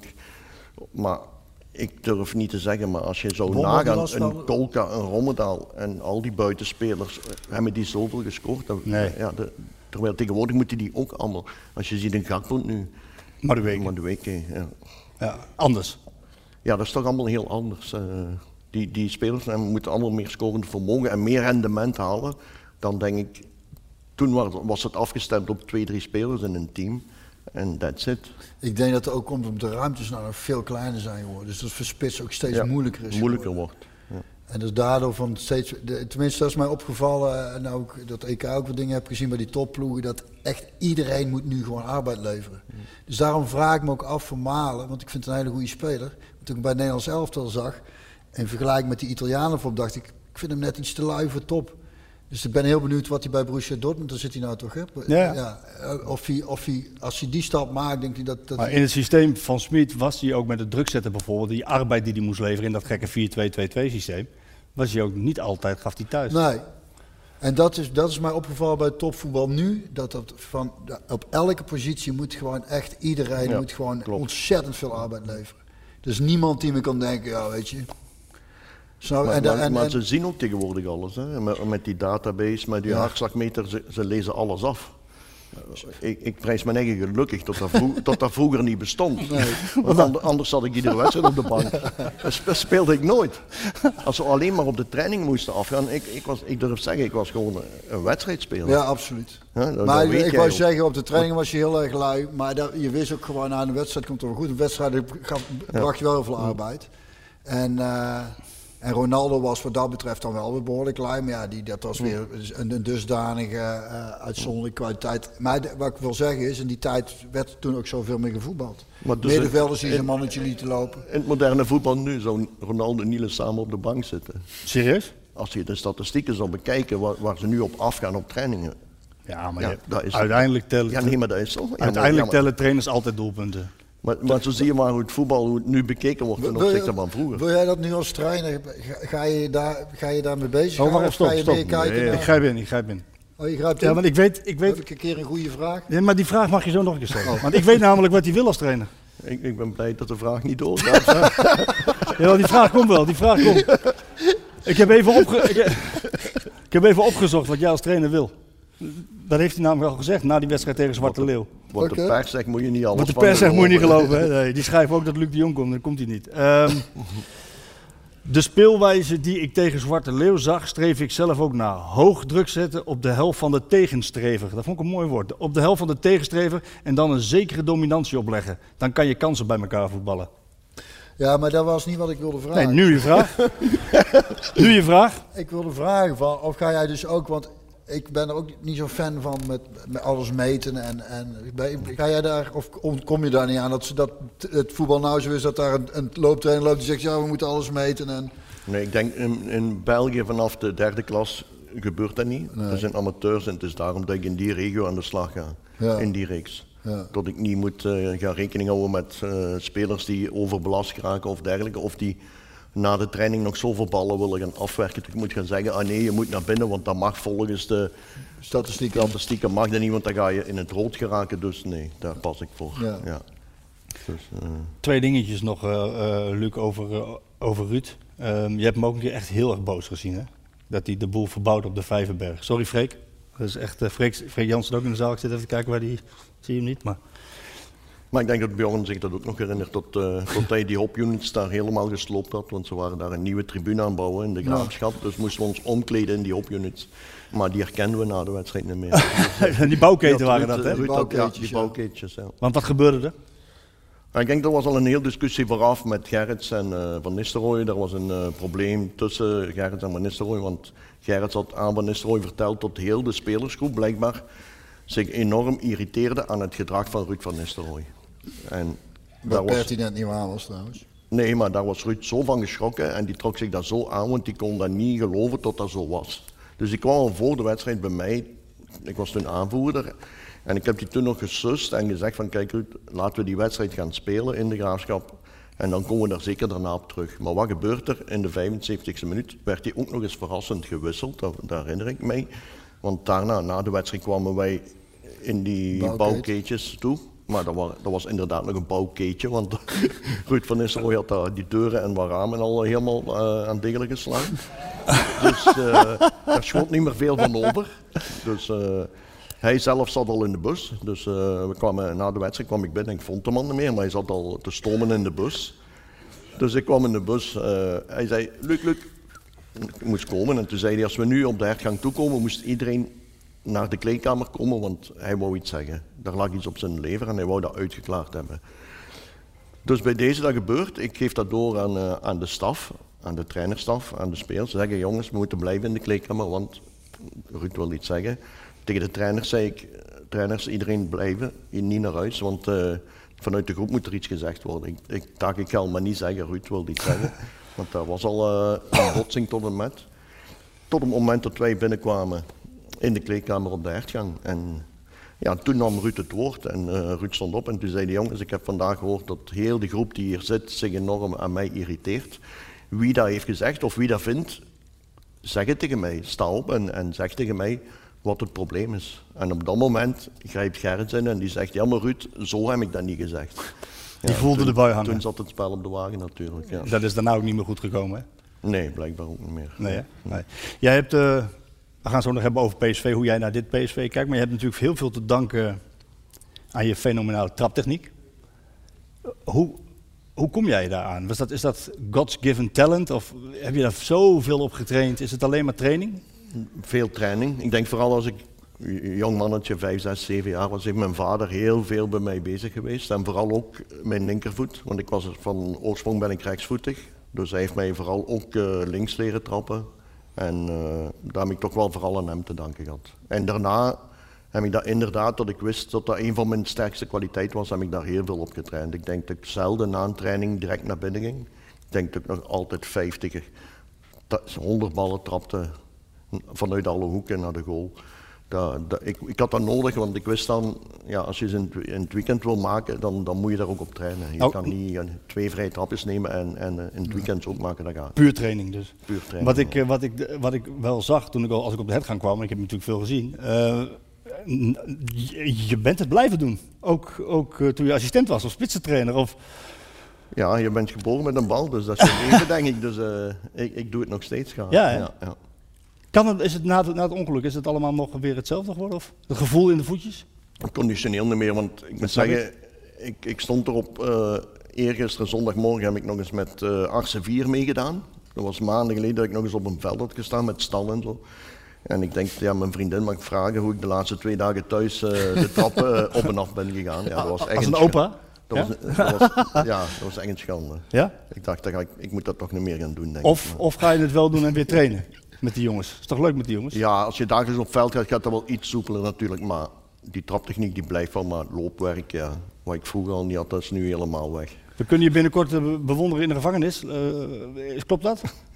Begrijp ik niet verkeerde mensen in de, gevangen, in de gevangenis. Nee, je, je gaat voetballen in de gevangenis met FC de Rebellen. Is Ja, dat- ik ben uitgenodigd voor, eh, van FC de Rebellen uit om ergens in, aan de IJssel. Klopt dat? ik aan de IJssel, ja. zeg? Krimpen aan de IJssel. En daar is blijkbaar een, een mini-EK georganiseerd. En daar zullen voetballers die dan bij de Rebellen horen zijn uitgenodigd. En daarmee hebben ze mij ook uitgenodigd om een 5 tegen 5 toernooi in de gevangenis te gaan spelen. Lijkt mij hartstikke leuk. Jouw traptechniek heeft jou heel erg ver gebracht. We gaan eh, even naar het volgende onderdeel toe.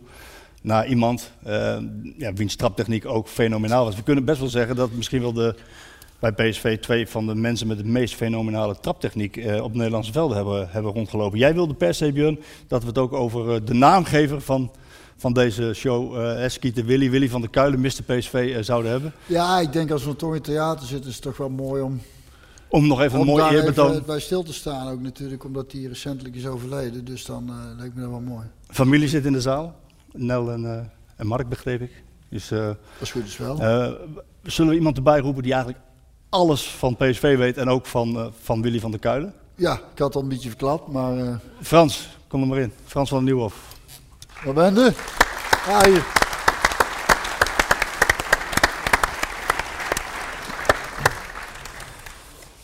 Welkom Frans. Dank je. Collega. Ja, ja. Hey, Frans, voordat we het over Willy gaan hebben, het is vandaag ook een bijzondere dag eh, voor PSV zelf. Hè? Los van de transfer window eh, deadline, maar het is een bijzondere, bijzondere dag toch? De, de, de 108ste verjaardag, ja. 108e verjaardag. Zal ik dan, want ik moet toch naar het toilet. En dan ga Doe ik dat. even naar het toilet, was ik mijn handen. Zal ik dan de gebakjes halen? Wacht even, is dat zo'n goed idee dat jij dan de gebakjes Ja, meeneemt? maar ik was mijn handen. Oké, moet wel even het geluid uit zo. We hebben gebak, mensen, voor de verjaardag van PSV. We hebben gebak. Ja, voor, voor de mensen, hè? Voor de mensen? Nee, niet voor ons. Niet voor ons. Kun je iets, weet je nog iets, iets te vertellen over die, over die oprichting?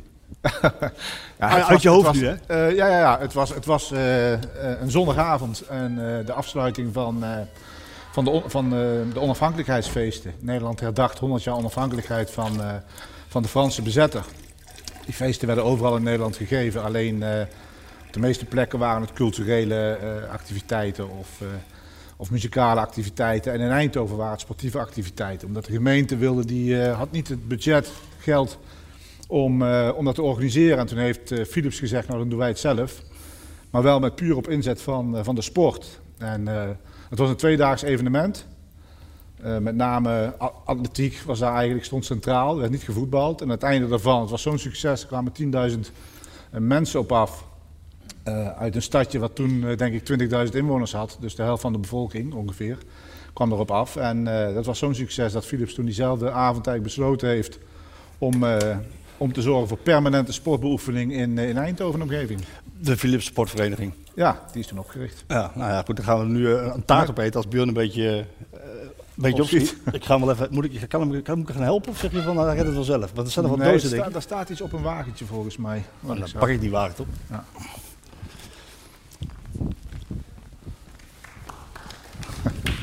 Taart Björn, kom. Oh, hier, hij staat er. Ja. Ik was dus, ik was dus op zoek. Hoe gaan we dat doen? Gewoon eh, doorgeven? Of? Doorgeven. Ja? Ja. En jij en ik heen? Ingewikkeld. Komt eraan, jongens. Pak maar aan. En geef maar door naar achteren of naar Ja, voren. valt lekker. Er zit een bom. Vat wel. Handjes Even eh, mogen fiets. Ik geef hier zo. Want Naar boven, jongens. Wie gaat er naar wat boven? Hoe krijgen we die dingen boven? Ja, niet. Paul van Kimmenade was het toch ook, of niet? Wordt nog aan het werk gezet. toch? Björn, hoe krijgen we die op de... Op die eh, op die- Ja, niet. Mensen op het balkon hebben pech, sorry. Nee joh. Nee, we bewaren, we bewaren voor die Nou, mensen een ik paar hier gebakjes. Die krijgen ze dan naar de Ja, hand. jullie, krijgen naar de hand. Jullie staan hieronder. En dan kan deze nog te Ja, zeker, zeker. Nou, ik hoop dat er genoeg is voor de rest. Hebben hoor. we, is er wel genoeg? Ik denk het wel. Oh. Hier nog niemand, hè? Hier. Valt maar aan. Of wou je een worstenbroodje, Kik? Je liever worstenbroodje? Krijg jij een worstenbroodje, jongen? Noor jij ook? Nee? Ah, hier is Wil je vangen? Zal me even brengen. Alsjeblieft. Oké. Ja, die, die zijn voor dan de mensen boven, maar ik... eh, Ja, ik zal wel brengen. Jij gaat ze even boven brengen? Ja, dat lukt nog wel. Ja. Oh, ik ben een flesje water. Een glaasje water. Wil je ook een wijntje, eh, Frans? Nee, merci. Hebben ze hier al gehad? Ja, kom door. Zal ik hoger Oh, gaan dan? Oh, hier. Zal ik deze rij gaan? Ah nee, hier is ook al geweest. Kunnen jullie deze Dat weet ik, hij loopt, hij loopt daar naartoe. Maar Zal ik hier pauze. even Hij, hoger ge- gaan? Dit is eigenlijk pauze. Ja. Dit is kan nou pauze. even plassen als je wilt. hij geeft nu de taart weg. Zijn het er genoeg? Want Nee, dat weet ik niet. Ik weet niet of En het wij, en wij zelf hebben niks, hè? nee, we hebben zelf niks. Maar ja, ik zit nog vol van mijn schnitzel, moet ik zeggen.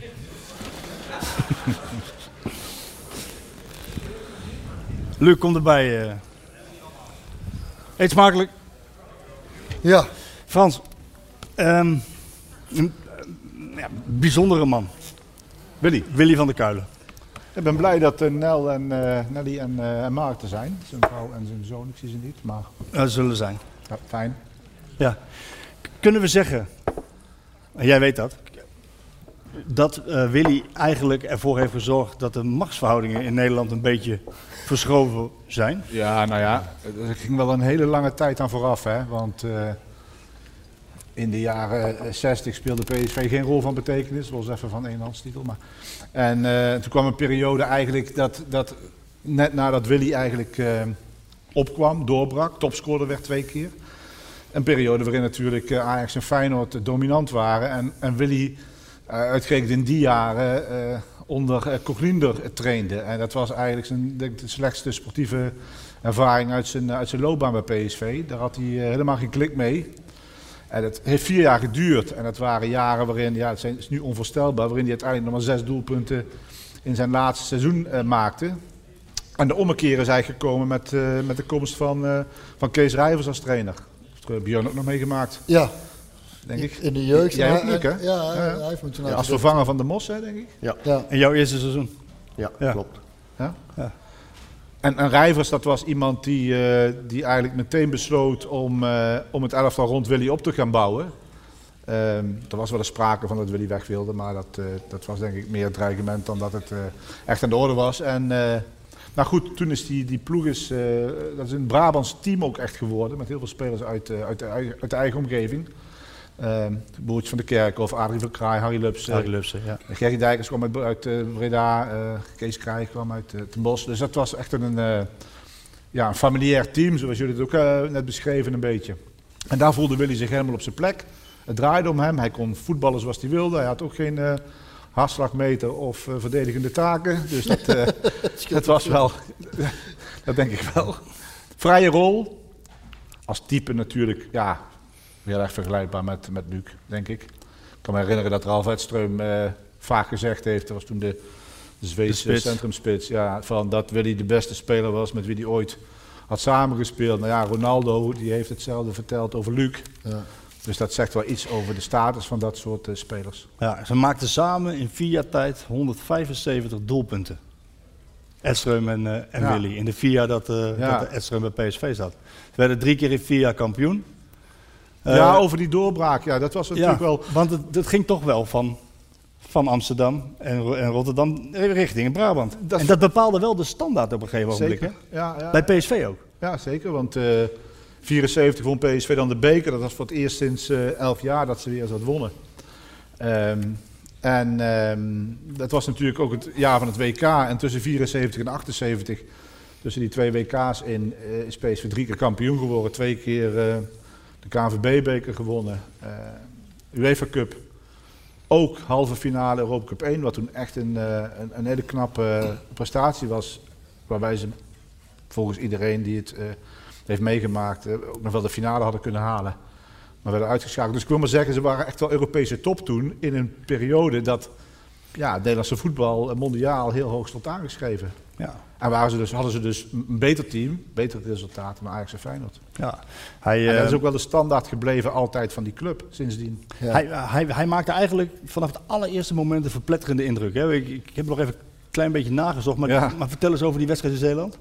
Nee, dat was, dat was tegen De- Vlissingen. Tegen Vlissingen, Thuis. de thuiswedstrijd, ja. Het was, ja, was met Helmond nog, hè? Was Ja. hij 16. En ehm, die debuteerde in het eerste elftal. Eerste klasse amateurs, dat was toen het hoogste amateurniveau. Wat nu de hoofdklasse eh, is, zeg maar. Toen was hij heel, heel jong, hè? Was hij 15 Ja. of zo, hè? Ja. Nou, 16 net. 16, ja. En ze wonnen met 9-0 eh, van Vlissingen. Hij maakte zeven doelpunten. En dat gaf eh, kolossale koppen in de kranten natuurlijk. Talk of the town, Willy. En bezienswaardigheid. Ook de, Ja. ook de bijnaam kwam uit Helmond, hè? Die, die verhuisde mee naar PSV, hè? Uiteraard. Ja. Nou ja, verhuisden mee naar PSV. Daar kwamen echt honderden, zo niet duizenden Helmonders in die tijd. Kwamen natuurlijk vanuit, vanuit de stad met de trein en met de auto. Elke zaterdagavond naar Eindhoven. Dat was file rijden vanaf eh, nou ja, een heel eind op de Helmondweg. De stations, eh, de perrons stonden vol met, met Helmondse eh, Hij, supporters. ging, hij ging zelf ook met de trein, toch? Dat weet ik niet precies. Ja, het zou wel eens gebeurd zijn, maar uiteindelijk volgens mij is hij vrij... Hij is ook vrij snel dan naar Eindhoven verhuisd. eh, ik eind ik. jaren 60 al. Ik ging voor, toen ik net bij de selectie zat met de trein. Was jij? Ja, dat was ik. Oh, jij. En dan kwam Tommy van der Leeg hem ophalen op het station met een brommetje. Het brommetje. Ja. Ja. Maar dat waren andere tijden. Ja, Willy, die, ehm, ja, jij, het, het mooie is, je hebt natuurlijk het boek geschreven, hè, eh, voor altijd Mr. PSV, onze Willy. Eh, maar je stond ook op de tribune. Je hebt hem ook, dat lijkt me dan zo, zo, zo leuk als het jouw Nou, held is. sterker nog, want ik had was vanochtend nog even bij, bij Nelly om eh, dit mooie schilderij op te halen. Dat is van, eh, van de familie. Ehm, en en zij, zij woonde toen in, eh, in de Jazonstraat. Er was een straat waar drie of vier PSV-families woonden. Vlak daarachter woonde Guus. En dat was vlakbij waar ik, eh, waar ik woonde, zeg maar. Dus het was voor mij een paar honderd meter om daar... En dan gingen we wat fotootjes halen met handtekeningen natuurlijk. En eh, die lagen daar, die hadden die mensen allemaal van de kerk of ze hebben daar later gewoond. Gert van Tilburg, Jos Dijkstra, fijn. Dus, ehm, dus ja, en, en mijn vader werkte bij Philips en dan kon je een seizoenkaart krijgen, kopen.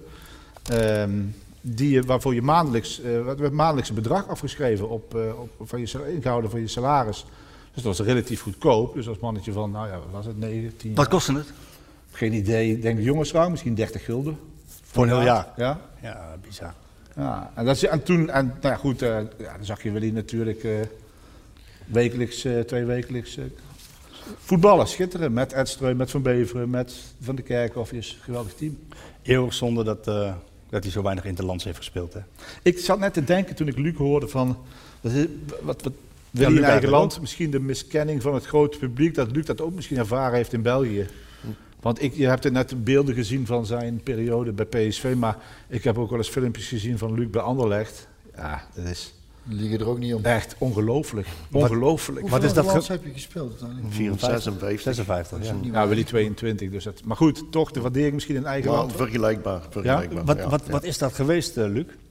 Maar ik denk dat vooral mijn kwaliteiten lagen in het aanvallende spel, waarin dat ik bij Anderlecht speelde, bij PSV speelde, speelden wij altijd heel aanvallend. En daar lagen mijn kwaliteiten. En bij het National Elftal speelde heel behoudend in die tijd België. Er was meer... eh, Tegenhouden. Ja, ze waren nooit favoriet. Ze zakten altijd in en, en speelden ver van het doel. En dus mijn kwaliteiten kon ik geen rendement uithalen, omdat daar lagen mijn kwaliteiten niet. Die lagen rond de 16, maar daar kwamen we heel weinig. Dus Daarmee- ja, dat is, de, dat is de simpelste uitleg die ik kan geven, maar, Maar dan heb je ook dat niet was prettig dat gevo- werkelijk zo. Heb je ook niet prettig gevoeld? Ik weet zelfs, nee nooit, want ik weet zelfs de debuut, nee, het WK in 98, België-Nederland, krijgt Kluivert rood, Ja? weet je nog, met Ja. Lorenzo Stalens. Ja. En zelfs toen heb ik 19 minuten lang achter eh, rechts, rechts midden moeten spelen om, om Numan op te vangen. Dus kan je inbeelden, zo was dat toen in die tijd. Dus kan je hebt mij toen wel verteld- gefrustreerd. dan. Nou ja, het- het- ik kan me herinneren dat ik bij jou, Lichtjes. ik ben, ben bij jou thuis geweest, heb ik jou geïnterviewd over de Rode Duivels. En toen zei je ook van, eh, dat vond ik zo'n mooie uitspraak. Want eigenlijk is er in al die jaren niks veranderd, nu wel. Maar toen zei je van het spel van de Rode Duivels stinkt naar verbrand rubber. Ja. Met andere woorden, ze spelen met de handrem erop. Ja, klopt. Dat was hè? Ja, in, in die tijd wel. Zat dat in de de laatste Ja, dat is nu veranderd. vijf, zes jaar is dat wel fel verbeterd natuurlijk. Ja, ja. dat is aanvallender geworden. Eh, bij Ja. Willy had het een andere reden natuurlijk, dat hij zo weinig interlands eh speelde. Nou ja, dus eh, hij, hij- het gekke is, hij debuteerde in, eh, in eh, maart 66, even uit mijn hoofd. En dat was nog voor Cruijff. En het was, hij was generatiegenoot van Cruijff. Eh speelden ook allebei in, eh, in Jong Oranje. Eh, Rensenbrink, allemaal dat soort jongens. En Kessler was een bondscoach. En de eerste die die koos van die jonge generatie was Van de Kuilen.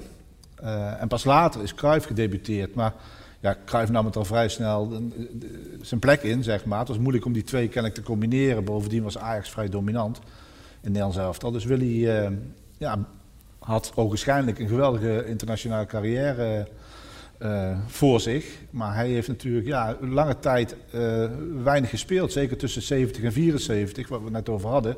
Periode dat hij bij uh, onder Linder trainde bij PSV, heeft hij eigenlijk nauwelijks Interlands gespeeld. Nee, maar en uiteindelijk was je ook solidair aan Jan van Beveren natuurlijk. Ja, maar goed, dat is een heel lang verhaal, maar... Ja, vertel ja. hem maar kort dan. Nou ja, goed, eh, hij, eh, het was eigenlijk een beetje, kwam een beetje van, van Ben van Gelder af, de manager van PSV. Die vond dat eh, de, PSV, hè, kampioen, de spelers zich wat meer moesten laten gelden bij Nederland zelf al. Niet alles moesten pikken van, van, van Cruijff en, en, en Neeskens van Hanegem. En toen speelden ze was het uit tegen Polen voor het EK 76. 4-5 PSV is geselecteerd, misschien nog wel meer, misschien wel zes. Maar goed, Cruijff en Neeskens kwamen toen, eh, die zaten bij Barcelona, die kwamen met een apart vliegtuig met hun vrouwen naar, eh, naar gevlogen, eh, los van de ploeg dus. En die kwamen het trainingsveld op in, in burgerkleding. De spelers waren zich aan het voorbereiden, dag voor de wedstrijd. En toen heeft Willy zoiets geroepen als, oh, dan zullen we de koningen van Spanje hebben. En... En dat is later is dat bij, uh, bij Cruijff terechtgekomen. Uh, waarvan Cruijff in eerste instantie dacht dat Van Bever het had gezegd, want die had het weer via een journalist gehoord. Maar dat was, uh, dat was Willy. En ja, dat is hem natuurlijk. toen heeft Cruijff zich heeft toen ervoor gezorgd voor de thuiswedstrijd tegen Polen, want ze verloren daar met 4-1. Dat Van, ha dat Van Bever in ieder geval niet, niet speelde, buiten, buiten de ploeg belandde. Ja.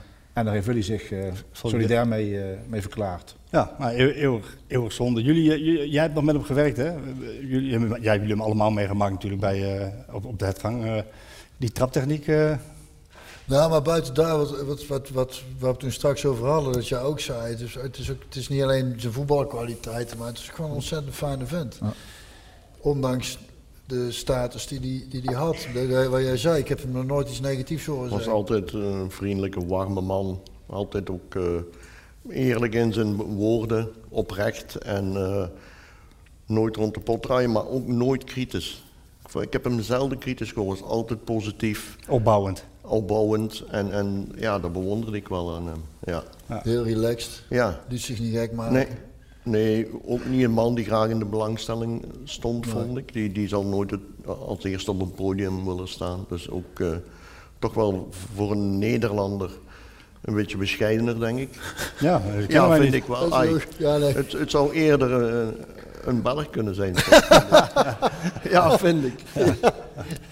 een Bourgondische Nederlander, een joviale Nederlander. Ja. Zo, zo zie ik voor de geest. Ja, maar als ik...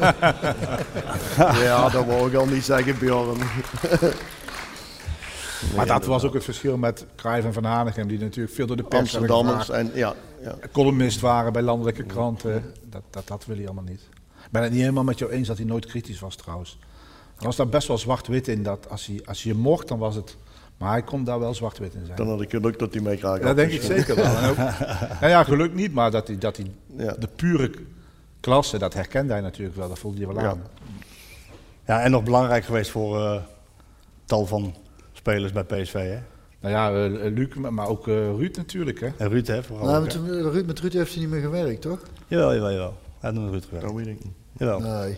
jawel, volgens mij wel. Je zit nou gewoon te bluffen. Nee, niks niet te bluffen. Kijk Paulus even aan. Paulus heeft me het verhaal verteld volgens mij, dat hij met Ruud op het trainingsveld stond. Klopt dat? Zie, kijk, dat bedoel ik. Hé, hey, wie zit er nou te bluffen? Hè? Nou is hij stil, hè, ons Brabantje. nou, Maar Dat kan niet vaak, ernaast zitten, nee, dat kan. Dat is ook geen probleem. Geen Volgens probleem. mij hebben zij gewoon een deal Ja, dat denk ik. dat leuk. Die euro krijg je straks. Eh, nee, maar eh, daarna, eh, er is een heel volksgebeuren om, rondom zijn overlijden. Dat tekent wel de grootheid, denk ik, van eh Mr. Ja, PSV. Hè? Ongelooflijk, ja. ja dus het, eh, Was je daar onvergelijkbaar ook. Hè. Ik bedoel, eh Nel vertelde het vanochtend nog. De, de, de- de- meer dan duizend condoleanceberichten, boeken vol met, eh, met herinneringen van mensen die eh, allemaal hun persoonlijke eh, verhaal vertelden over, over wat Willy voor rol speelde in hun leven. Die is veel groter geweest dan wij ooit hebben kunnen beseffen. En dat is nooit naar buiten gekomen. Daar heeft hij zelf al helemaal niet mee te koop gelopen. Maar nou, is toch voor heel veel mensen in deze regio. En ik denk ook dat het gewoon, weet je, hij was niet alleen populair, maar hij was echt geliefd bij mensen. En dat maakt net wel een verschil, denk ik, tussen, ook, ook in de beleving bij zo'n eh, bij zo'n afscheid dan. Heeft, eh, nog even terug naar die, eh, we gaan het zo nog even daarover hebben, maar even terug naar die periode dat hij, dat hij zo succesvol was met Estrem en PSV en dat ze uiteindelijk ook die UEFA Cup wonnen, zonder Estrem overigens. Maar be- bepaalt dat nu de standaard bij PSV? Dat PSV is toen eigenlijk, het succes is toen, dit willen we en dat, is de, dat is de lat, wij moeten daar continu naartoe.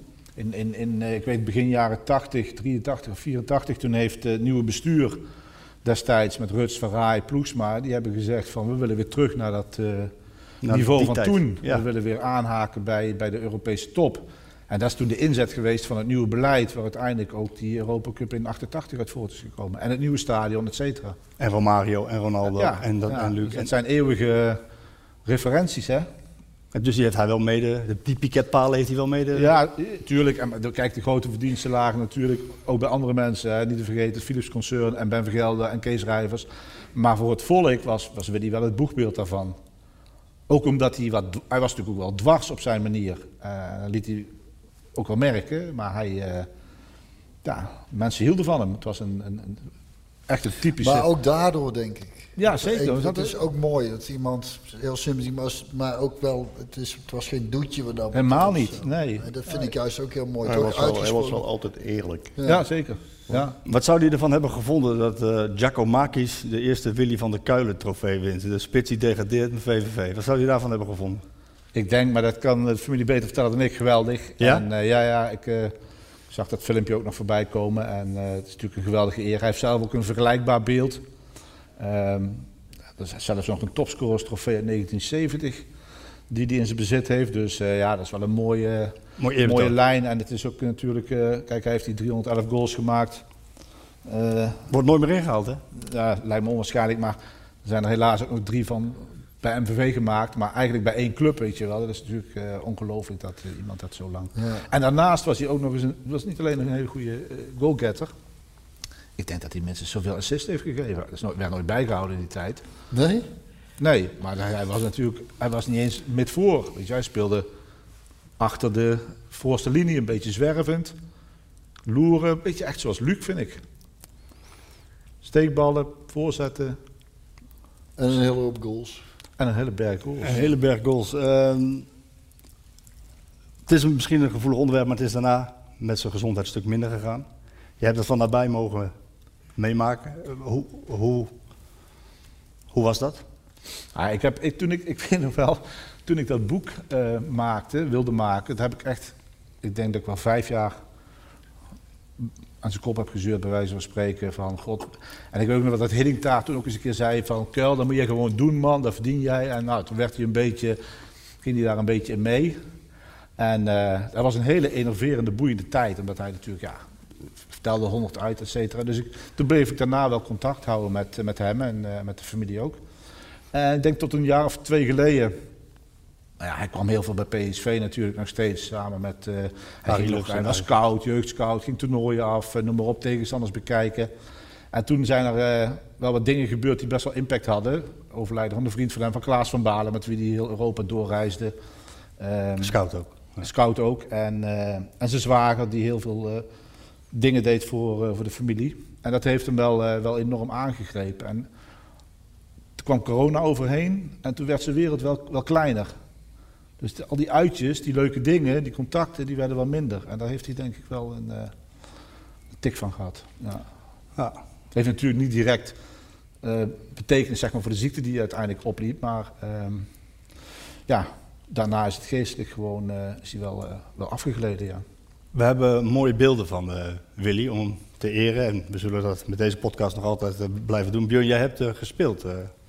Ja, ja het, eh, bij de, op de uitvaart. En ehm, eh, daar lullen we nou naartoe, denk Ja, ik. daar lullen we heel, heel erg naartoe, Eh, ja. ehm, nou, en ik voelde me vereerd om dat te doen. En ik dacht, ja, wat moet ik dan spelen? En, en, dus degene die het organiseerde kwam met het liedje Als je ooit van jij bij Roy en Geert van Maazak. Dus ik denk, ah, dat is, dat is fijn, want die, Die zit, die, een van de weinige liedjes van, die niet van mezelf zijn, die ik in mijn repertoire heb. En eh, ik vind het ook een heel mooi liedje. En ik ben eigenlijk eh, nooit meer nerveus eh, als ik moet spelen of iets dergelijks. Maar ik, kan, ik heb het ook op de uitvaart van Mies gespeeld toen in de kerk. En ik trek ook gewoon, ik vind het zo moeilijk als ieder, heel veel mensen verdrietig zijn. Dus dat grijpt dan naar je strot en alles. En dus ik was heel zenuwachtig. Dit En ik, zat, en ik, zat, ik zat aan de zijkant te wachten. En, ehm, en, en dan moet je dus, eh, of mag je gaan spelen. En, eh, dus ik, ik pak die gitaar en ik sla het eerste akkoord aan. En ik denk, "Goh, vals. Maar ja, je kunt er niet allemaal gaan stemmen en zo. Dus eh, ik heb er eigenlijk doorheen geworsteld. Maar ik krijg heel veel, volgens mij was je de een van de eerste met de reactie. Heel veel mooie reacties. Dus dat, en ik heb er nog ter- terug geluisterd. En zei ik tegen oh, erg. Dus ik hoop dat ik het vanavond beter doe.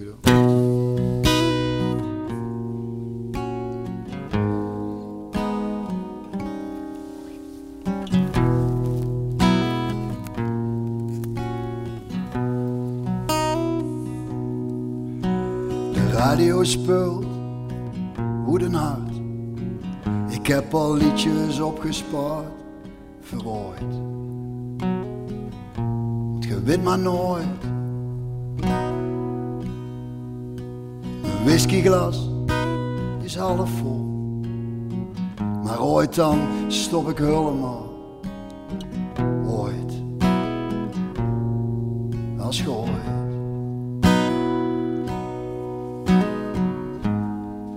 Als je ooit nog eens terugkomt. En als je ooit een hart van spijt. Als je ooit terug bij mij komt, moet je weten, mij raakte niet meer kwijt. Die stadionpoort gaat nooit op slot, omdat we hem openlaten, verrooid. Je weet maar nooit. Ja, dan roepen 35.000 man. Schieten Willy zo hard als ze kan, nooit. Als gij ooit. Als je ooit nog eens terugkomt. En als je ooit een hart van spijt. Als je ooit terug bij ons komt, moeten weten. Ons raakte niet meer kwijt.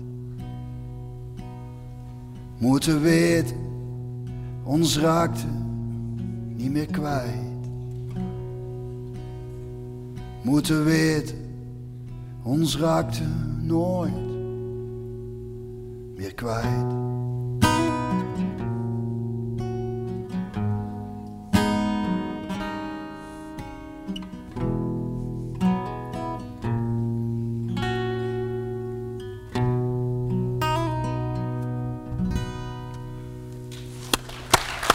Dank wel.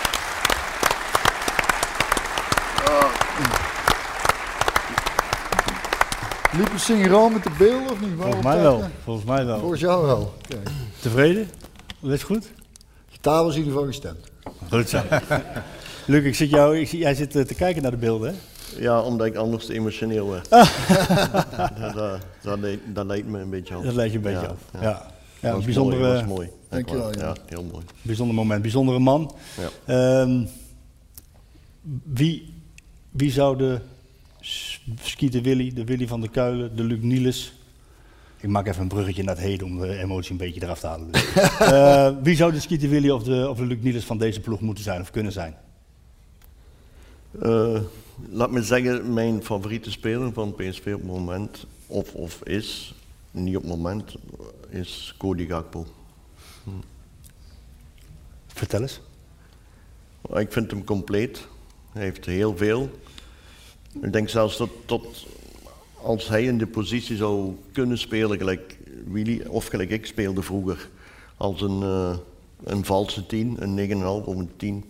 Tot hij dan nog meer tot zijn recht gaat komen. Dat hij dan nog, nog meer aan de bal gaat komen in de zone van de waarheid. Terwijl hij nu vooral op links acteert. En van daaruit alles moet doen, maar ook alles goed doet op het moment, vind ik. En ik heb het geluk mogen meemaken toen ik eh, twee, drie jaar bij PSV actief was, bij de jeugd. En heb ik hem zien groeien, ook als mens, als speler. Een, een schitterend persoon. Ik denk uh, dat Paul dat ook kan beamen in, in, uh, op de hertgang. Dat hij, uh, ja, ik vind een fantastische voetballer. Heel intelligente jongen ook, hij is rustig. Ja. Um, hij doet er alles voor, Eindhoven na. Smit maakt hem niet voor niets, ook reserveaanvoerder natuurlijk. Ja, dat zal ook zijn reden hebben, maar dat is ook zo. Hij is een, een, een voorbeeldfunctie voor velen. En hij straalt rust uit. En ik denk een beetje het tegenovergestelde van, van, van uh, Mol Iataren is hij eigenlijk een, een, een voorbeeldfunctie die het wel maar maakt in PSV eerst, die ook eerst PSV aan zijn top wil zitten voordat hij wil vertrekken. Dus inderdaad, zet de juiste stappen in, in, in zijn carrière en uh, ja, ik, ik, geniet ervan om hem te zien spelen. Hij was uh, tegen Benfica alleen maar af te stoppen door overtredingen. Ja, ik denk als we over die twee wedstrijden samen moeten bekijken hoeveel overtredingen dat ze op, op hem hebben begaan, ja, dan...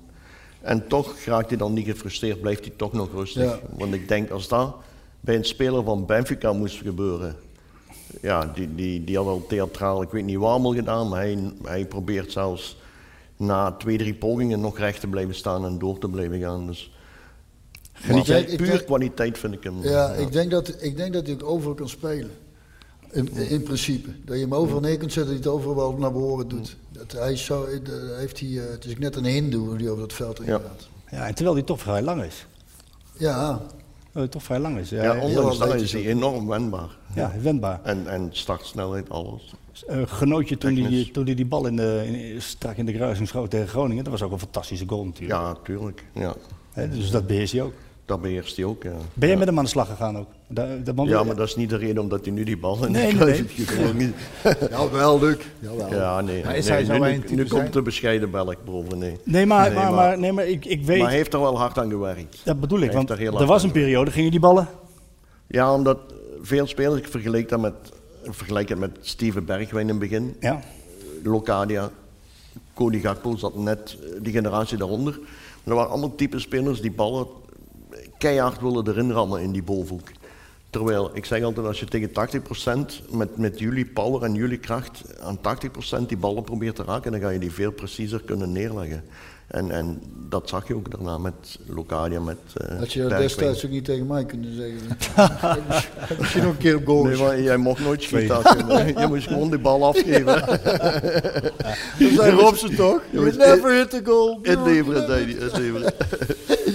Ehm, Luc, ehm, als jij naar PSV kijkt, ehm, dit PSV, eh, hoe verhoudt zich dat tot Ajax?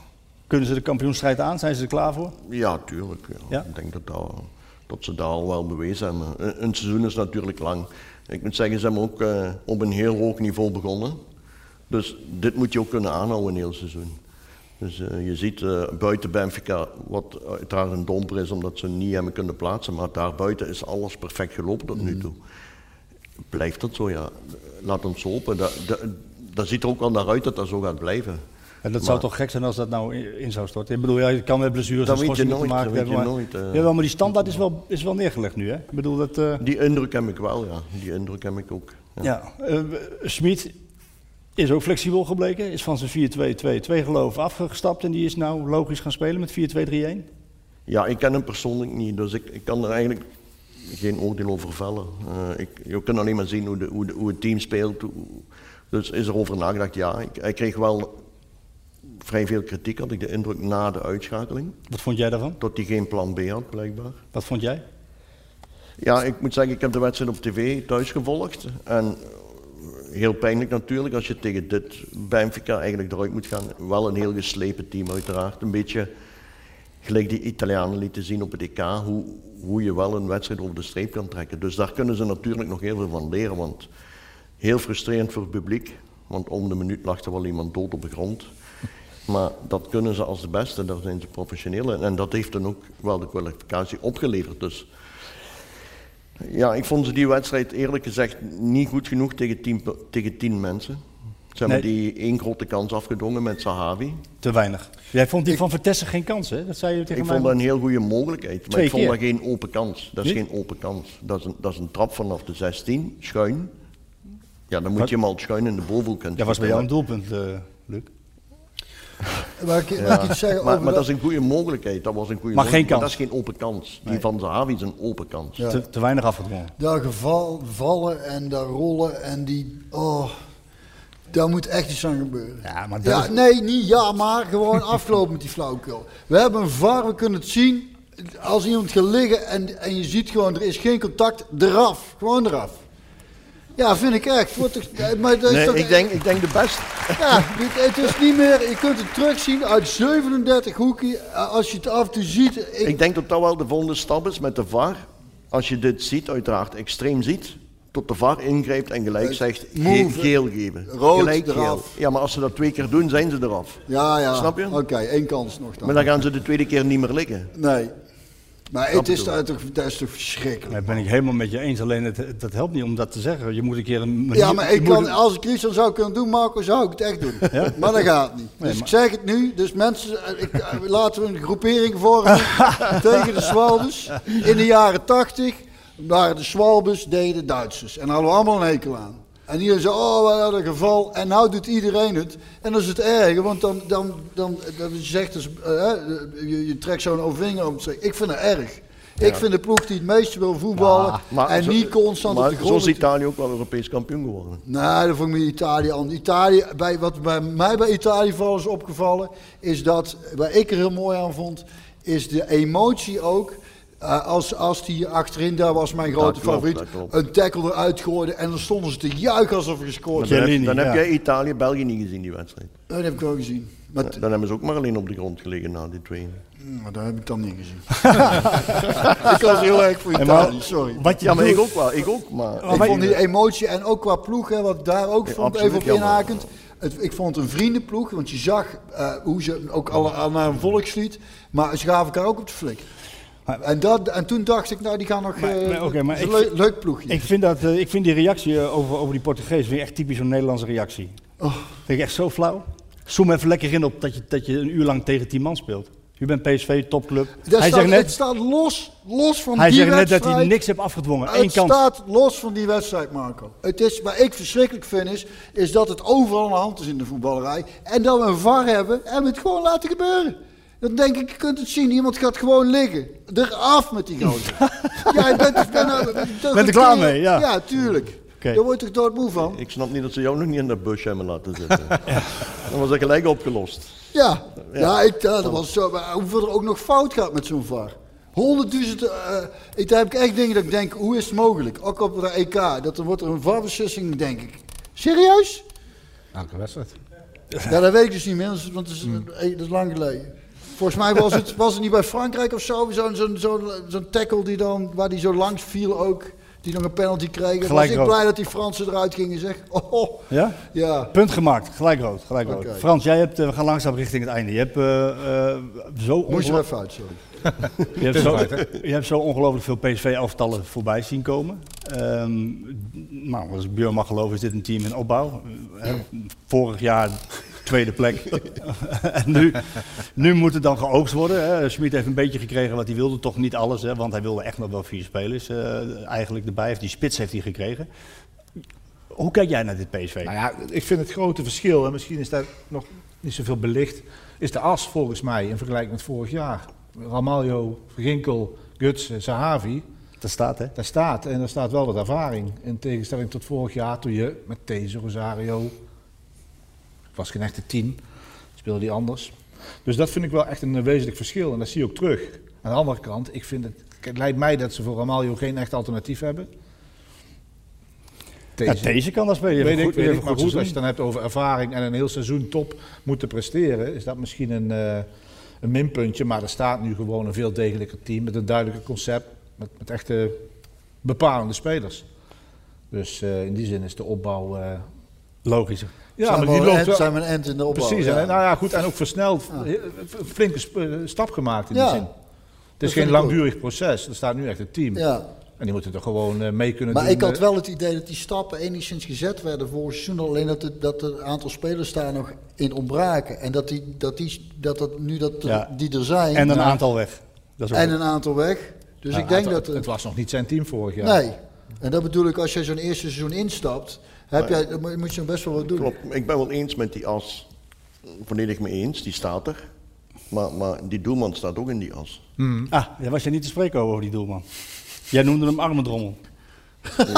Ja, ik, ik, Ik ga niet liegen. ik ben er niet gek van. Nee. Nee? En toch legt, je moet jou toch aanspreken met, die, met je traptechniek, dat hij die ballen zo weglegt. In het Maar systeem doel- van Smit Een wil hij dat. staat er niet voor zijn traptechniek. Een doelman staat er om die ballen tegen te houden. Maar ja, ja, in eerste Daar instantie staat wel. een doelman voor. Jij pleit voor Oenerstal, hè? die had je niet weggedaan, hè? Die had ik nooit weggedaan. Nee, dat vind ik, vond ik ook echt een hele goeie. Doet het ook goed nou hoor.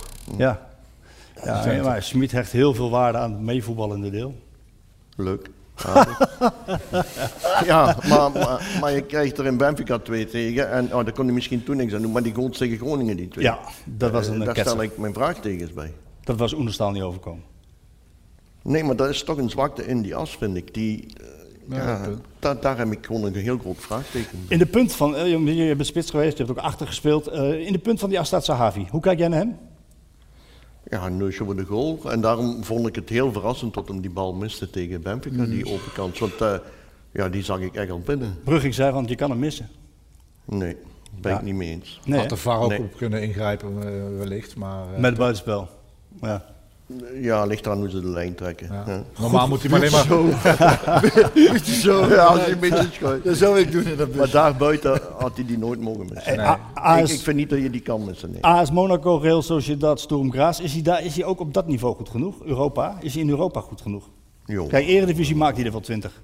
Ja, waarom zou je ze dan niet maken? Ik bedoel, Ja, te- zwaardere tegenstander. hij, hij past in een team die toch wel het, het voetbal domineert aanvallend speelt. Zolang als hij daarin speelt, zie ik daar eh, geen twijfel over. Daar ben ik niet, nee. nee. Hm. Helder, jongens, we Misschien gaan... zoveel aantal wedstrijden gaat hij misschien daaraan kunnen. Hij is niet meer de jongste. 34. Ja. Ja.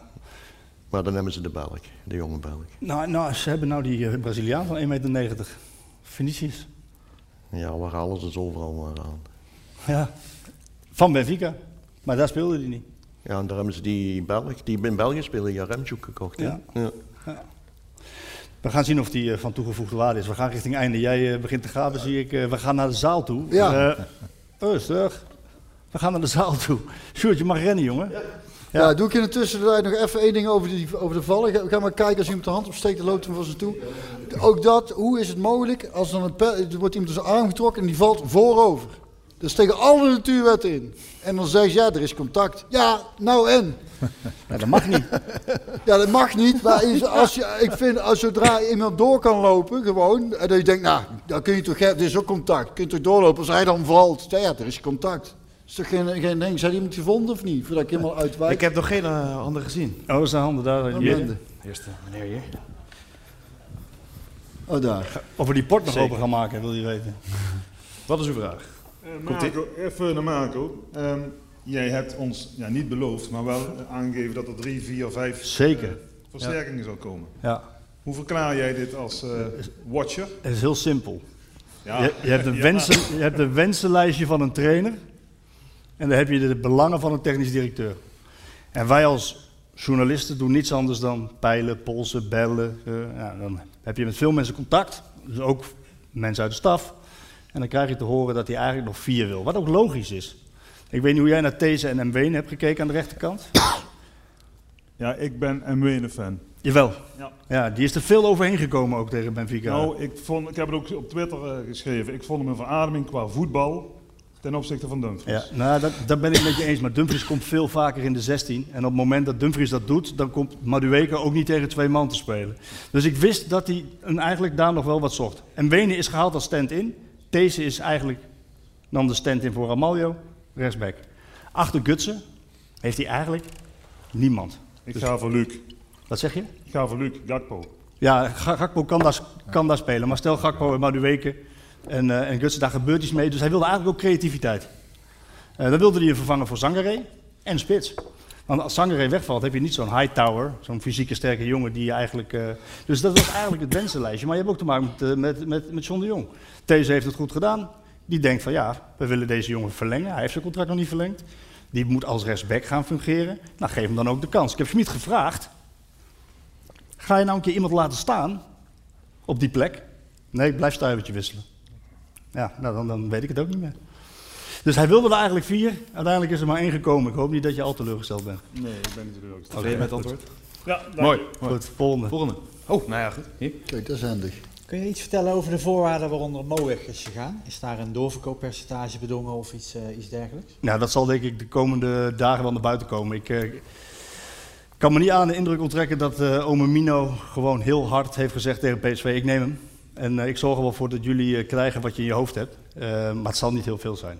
Het zal gewoon niet heel veel zijn. Het is gewoon heel jammer wat daar is gebeurd, want het gaat ook over, over geld. Hè. Uiteraard wil je dat zo'n jongen, als je heel veel hebt geïnvesteerd in de opleiding, dat hij dan ook rendeert in het eerste. Kijk naar Gakpo, dat is eigenlijk de manier.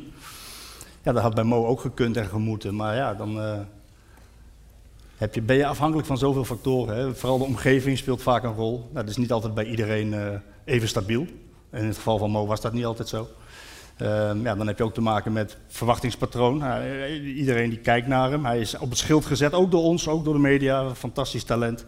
Ehm, ja, die druk misschien. Ja, hij kreeg privileges. Hij was natuurlijk een lichtpunt in een hele moeilijke periode bij PSV onder Van Bommel. Ja, hij kwam terug en dacht van, hé, hey, dat heb ik nog steeds. Ja, dan kan hij niet mee in het professionele, eh, de professionele eisen die, die Schmid stelde. En daar wilde hij niet mee, dat ging niet. Ja, en dan gaat het. Maar ik moet zeggen, ik heb hem aan het begin van dit seizoen een trainingskamp gezien, was hij topfit. Liep vooraan, alle testen was hij bij de eerste drie. Ja, en dan komt er zo'n momentje tegen Galatasaray. Thomas valt in en niet Mo. Hij meldt zich ziek en gaat, eh, gaat weg. Heel jammer dat het zo afloopt, want ik ben wel eigenlijk een beetje fan. Helaas. Ja. Next. Morgen van Bammel met een vraag stellen. Oh, eerst. Eh, voor Luc. ehm, ik heb jou altijd in, in het stadion zien voetballen. En ik wil jou daar zo graag voor bedanken. Voor, voor die jaren dat jij mij ook na de wedstrijd naar de voet hebt gebracht. Bent, ik, heb, ik heb geen helden, maar er zit er eentje en die zit hier aan tafel voor mij. Dank je wel. En dan heb ik voor Björn ook nog, hè? Ja? Eh, Dat was ook eigenlijk geen vraag, hè? Nee. Nee, nee dat was het niet. Ik heb voor Björn heb ik wel een vraag. Wanneer ga je met de, de Val Allemaal Maar Kapot kast verder? Die meen Nou, ehm, de- dat was eigenlijk voor het Eindhovens Dagblad. En eh, die wilde het niet verder, omdat we te weinig luisteraars hadden. Maar dan was ik de enige, denk ik, of niet? Terwijl we het eigenlijk ook voor niks zouden doen. En, ehm, maar nou hebben we, de, eh, de- we, hebben er één, we hebben één nieuwe opgenomen met één gast. En we willen nu wat gasten uit gaan nodigen. Alleen het, het enige probleem bij die podcast is, dat, moet, dat is tijdtechnisch lastig plannen. Omdat we dan altijd eh, nogal veel drinken. Dus dat, Nou, dan wordt het wel leuker van. Dus dat moet dan altijd het weekend. Kleinigheid, ja, dat is ook, ja. Dus dat kan niet zo erg aan woensdagochtend doen. Dan moet ik altijd kijken welk weekend heb, kan het. En, eh, dus vandaar. Maar we, we gaan, eh, nou in ieder geval leuk dat je daar eh, ook naar, naar luistert. Ook voor andere mensen, als je de val allemaal maakt podcast, dan gaat het dan over muziek. Ja, je moet van muziek houden, maar dit is echt En slap gezever is ook Ja, belangrijk. precies. Ja, ja. En eh, goed, ja, jullie hebben het fantastisch gedaan dit. Met, met deze mensen, ook over, over Willy. Ik vind het grote klas. Oh, nou super, dankjewel. Fijn om te horen. Dankjewel. We gaan naar een grote fan, hè? Nog meer vragen? Ja. ja. Morgen toch? Ja, morgen. Morgen van Bammel. Morgen van Bammel. Daar heb je hem. Eindelijk zien we hem. Altijd een tweetje, elke week. Is, eh, morgen van. Bammel, jongens, is een vriend van de show. Ja, elke week toch gewoon weer een tweetje, ja. Ja. Ehm, vanmiddag heeft de, de naam Antonio Angelo Fulgini rondgezongen bij PSV. Gaat daar iets voor in de winterstop horen? Of Nou, degene die het naar buiten bracht, dat is eh, een eh, best wel bona fide journalist uit... eh, ja, jij dat zou nu zeggen, dat kan helemaal niet, een bona fide journalist. Maar ik denk, ik zeg het even voor jou. Een bona fide journalist uit, uit Frankrijk, die heeft dat, die heeft dat naar buiten gebracht. En dit- ja, dus, ehm, ja, zal wel een kern van waarheid. Dus ik vertel net dat, dat, hij, dat hij dus zo'n middenvelder zoekt. Maar deze jongen was wel duur. Kan nog wel op meerdere plekken voetballen. Had ook op, op de plek van Gutsen kunnen spelen. Rechtsback heb ik ook al zien staan. Dus eh, dat was niet zo onlogisch geweest. Maar soms moet het ook net even lukken. En eh, ja, als dan de eisen te kortig zijn. Maar ik kan me niet eh, aan de indruk onttrekken dat dit PSV al helemaal klaar is. Hè, Nee, want maar dit, dit gaat denk ik wel iets worden. Als we in Europa goed gaan doen, kan dit een eventuele versterking worden voor het team. Nou ja, ik durf zelfs te zeggen dat als Doan weg was gegaan. Misschien kan het nog hoor dat hij naar Turkije gaat of weet ik. Maar Doan die wilde graag weg. Hè. Hij krijgt bij PSV niet de kans eh, om eh, in het basis te komen. Hij heeft goed gespeeld vorig jaar in, eh, in Duitsland. Die wilde heel graag voetballen. Nou ja, Smit wil hem heel graag houden. Maar alleen, ja, speel maar Duweke, Gakpo of Gutsen er maar eens uit. Dat lukt niet. Ik denk dat als, als Doan weg was gegaan, dat hij dan wel zo'n speler nog had teruggekregen. Maar, maar de Jong heeft ook te maken met, met ja, grootte van de selectie. Er zit nogal wat in bij... Nou ja, Viergever is net weggegaan voor drie ton. Viergever, Dus- hè, ja. Ja, en ehm, ergens in deze pool overwinteren is gewoon eigenlijk een must. Maar zoals ik het nu eigenlijk lees, of je moet eerste worden of derde in de pool, Ja. dan overwinter je gegarandeerd. Ja, en tweede, dan moet je nog een Ja, tussen. die play-off wedstrijd. En daaronder zit eigenlijk geen vangnet meer. Nee, maar als je Smit goed beluisterd eh, hebt, en we hebben hem ook keur- eh, continu naar gevraagd na wedstrijden, van wat heb je nog nodig? Eh, nou, en hij zegt steeds van, I need quality. Eh, mijn, mijn- mijn grote vriend Rick Elfrink die vraagt, ja, maar noem eens wat een spits, weten we, maar wat dan nog verder? I need quality. Not more, I need quality. Dus dat betekent dus dat je zo'n speler als die je net opnoemde, die Fulgini, ja, die had je, had je goed kunnen gebruiken, zeker in Europa. Hij heeft het altijd over Gracie's schedule. Nou, dat, dat is ook zo, hè, tot en met de winter. Ehm, veel wedstrijden spelen, ja, dan heb je kwaliteit nodig. En ik denk ook als je in de race met Ajax een, eh, een slag wil slaan, ja, dan, dan heb je gewoon een hele sterke bank nodig. En soms, kijk, zo'n Bruma, ja, die leeft nu op.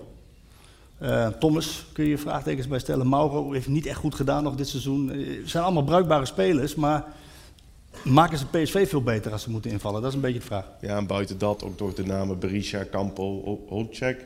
Ja, die zingen ook allemaal rond. Dus ja. Ja, nee, nou, dat- dan weet je ongeveer wat voor types hij denkt. Ik weet, ik, weet wel, ik weet wel dat, dat, dat, dat, dat, Berisha, dat de technische staf daarvan gecharmeerd is en de scouting wat minder. Ik kan niet alles zeggen, dat wel. Maar- Volgende? Ja. Daarachter Oh, nog veel. Vul het even voor, jongens. Ja, Sjoerd. Ja, dan moet je een keer recht aan de bak. Vertel hem op of zo. Maar, zag ik handen? Ja, Nog eentje? Ah, Lopen voor je, lopen voor je centen. Spannend, hè? Ja, ik, ik, eh, ik zag hier echt nog een doos, er zaten nog wat ge- gebakjes in. Zou, zou wij er nog eentje mogen? Ja. ja. Waar, waar zitten die dan? Maar je hebt er nog geen gehad? Ja, jawel, ik had er één gehad. Maar Oh, maar ze zo verrekte lekker. Ze zijn wel echt lekker.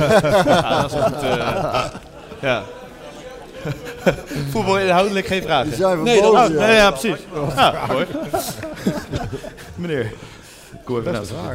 Ja, Meer is een vraag als een algemeenheid aan heel de tafel. Ehm, we hadden het net al over eh, die wedstrijd tegen Benfica en dat tijdrekken, voornamelijk in die tweede helft. Ehm, moeten we misschien niet naar een werkelijke speeltijd toe? ja. De Luc, ik kijk even naar de heren voetballers. Hè, die, eh, Ja. Ja, Bjorn.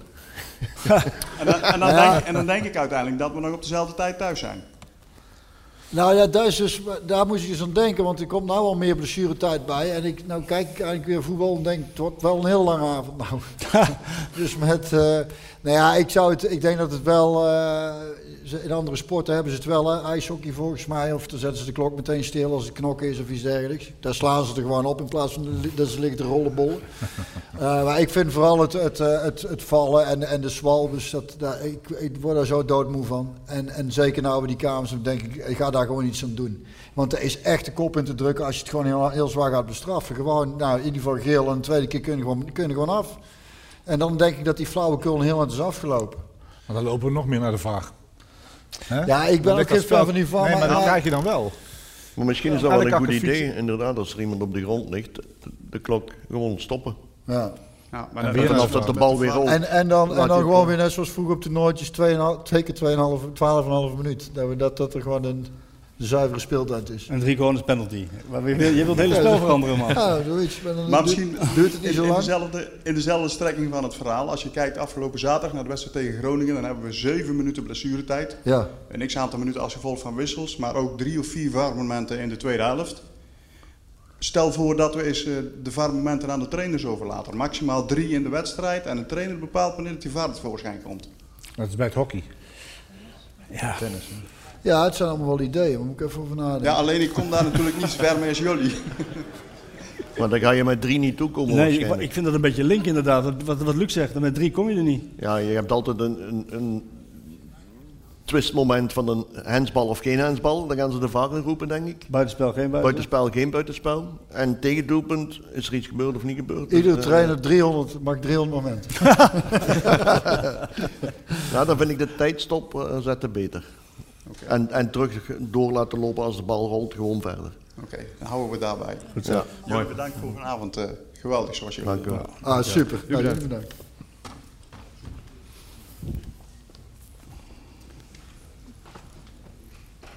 Eh, Marco, voor jou. Zoals we weten ben je allemaal fan van Go Ahead Eagles. Over een paar weken gaan we daar eh, naartoe. Ah. Zit je dan in het, eh, pe- bij de testbrune of zit je dan eh, bij, met je maten? Nee, die wedstrijd zit ik op de perstribune. Oké, nou. Dat weet ik. Ik kan er niks aan. Wacht even. Ja, dat- een van mijn maatjes die zit daar. Ik zit altijd met hem eh, en dan drinken we altijd lekker vooraf een paar biertjes. En dan ga ik eh, lekker achter het goal zitten. En eh, als, het, als het kan, gaat mijn zoon nog mee. Maar ja, die wedstrijd ben ik in dienst voor, P- voor PSV. niet in dienst van, maar in dienst voor. Dus dan, dan zal ik op de perstribune plaatsnemen helaas. Kan jij mooi gaan, Kik. Hè? Dat is wel fijn. Nee, nee dan, ik zal dan ingetogen juichen als Go Ahead een doelpunt maakt. Oké, bedankt voor de avond. Nog vragen? Ik zie dat.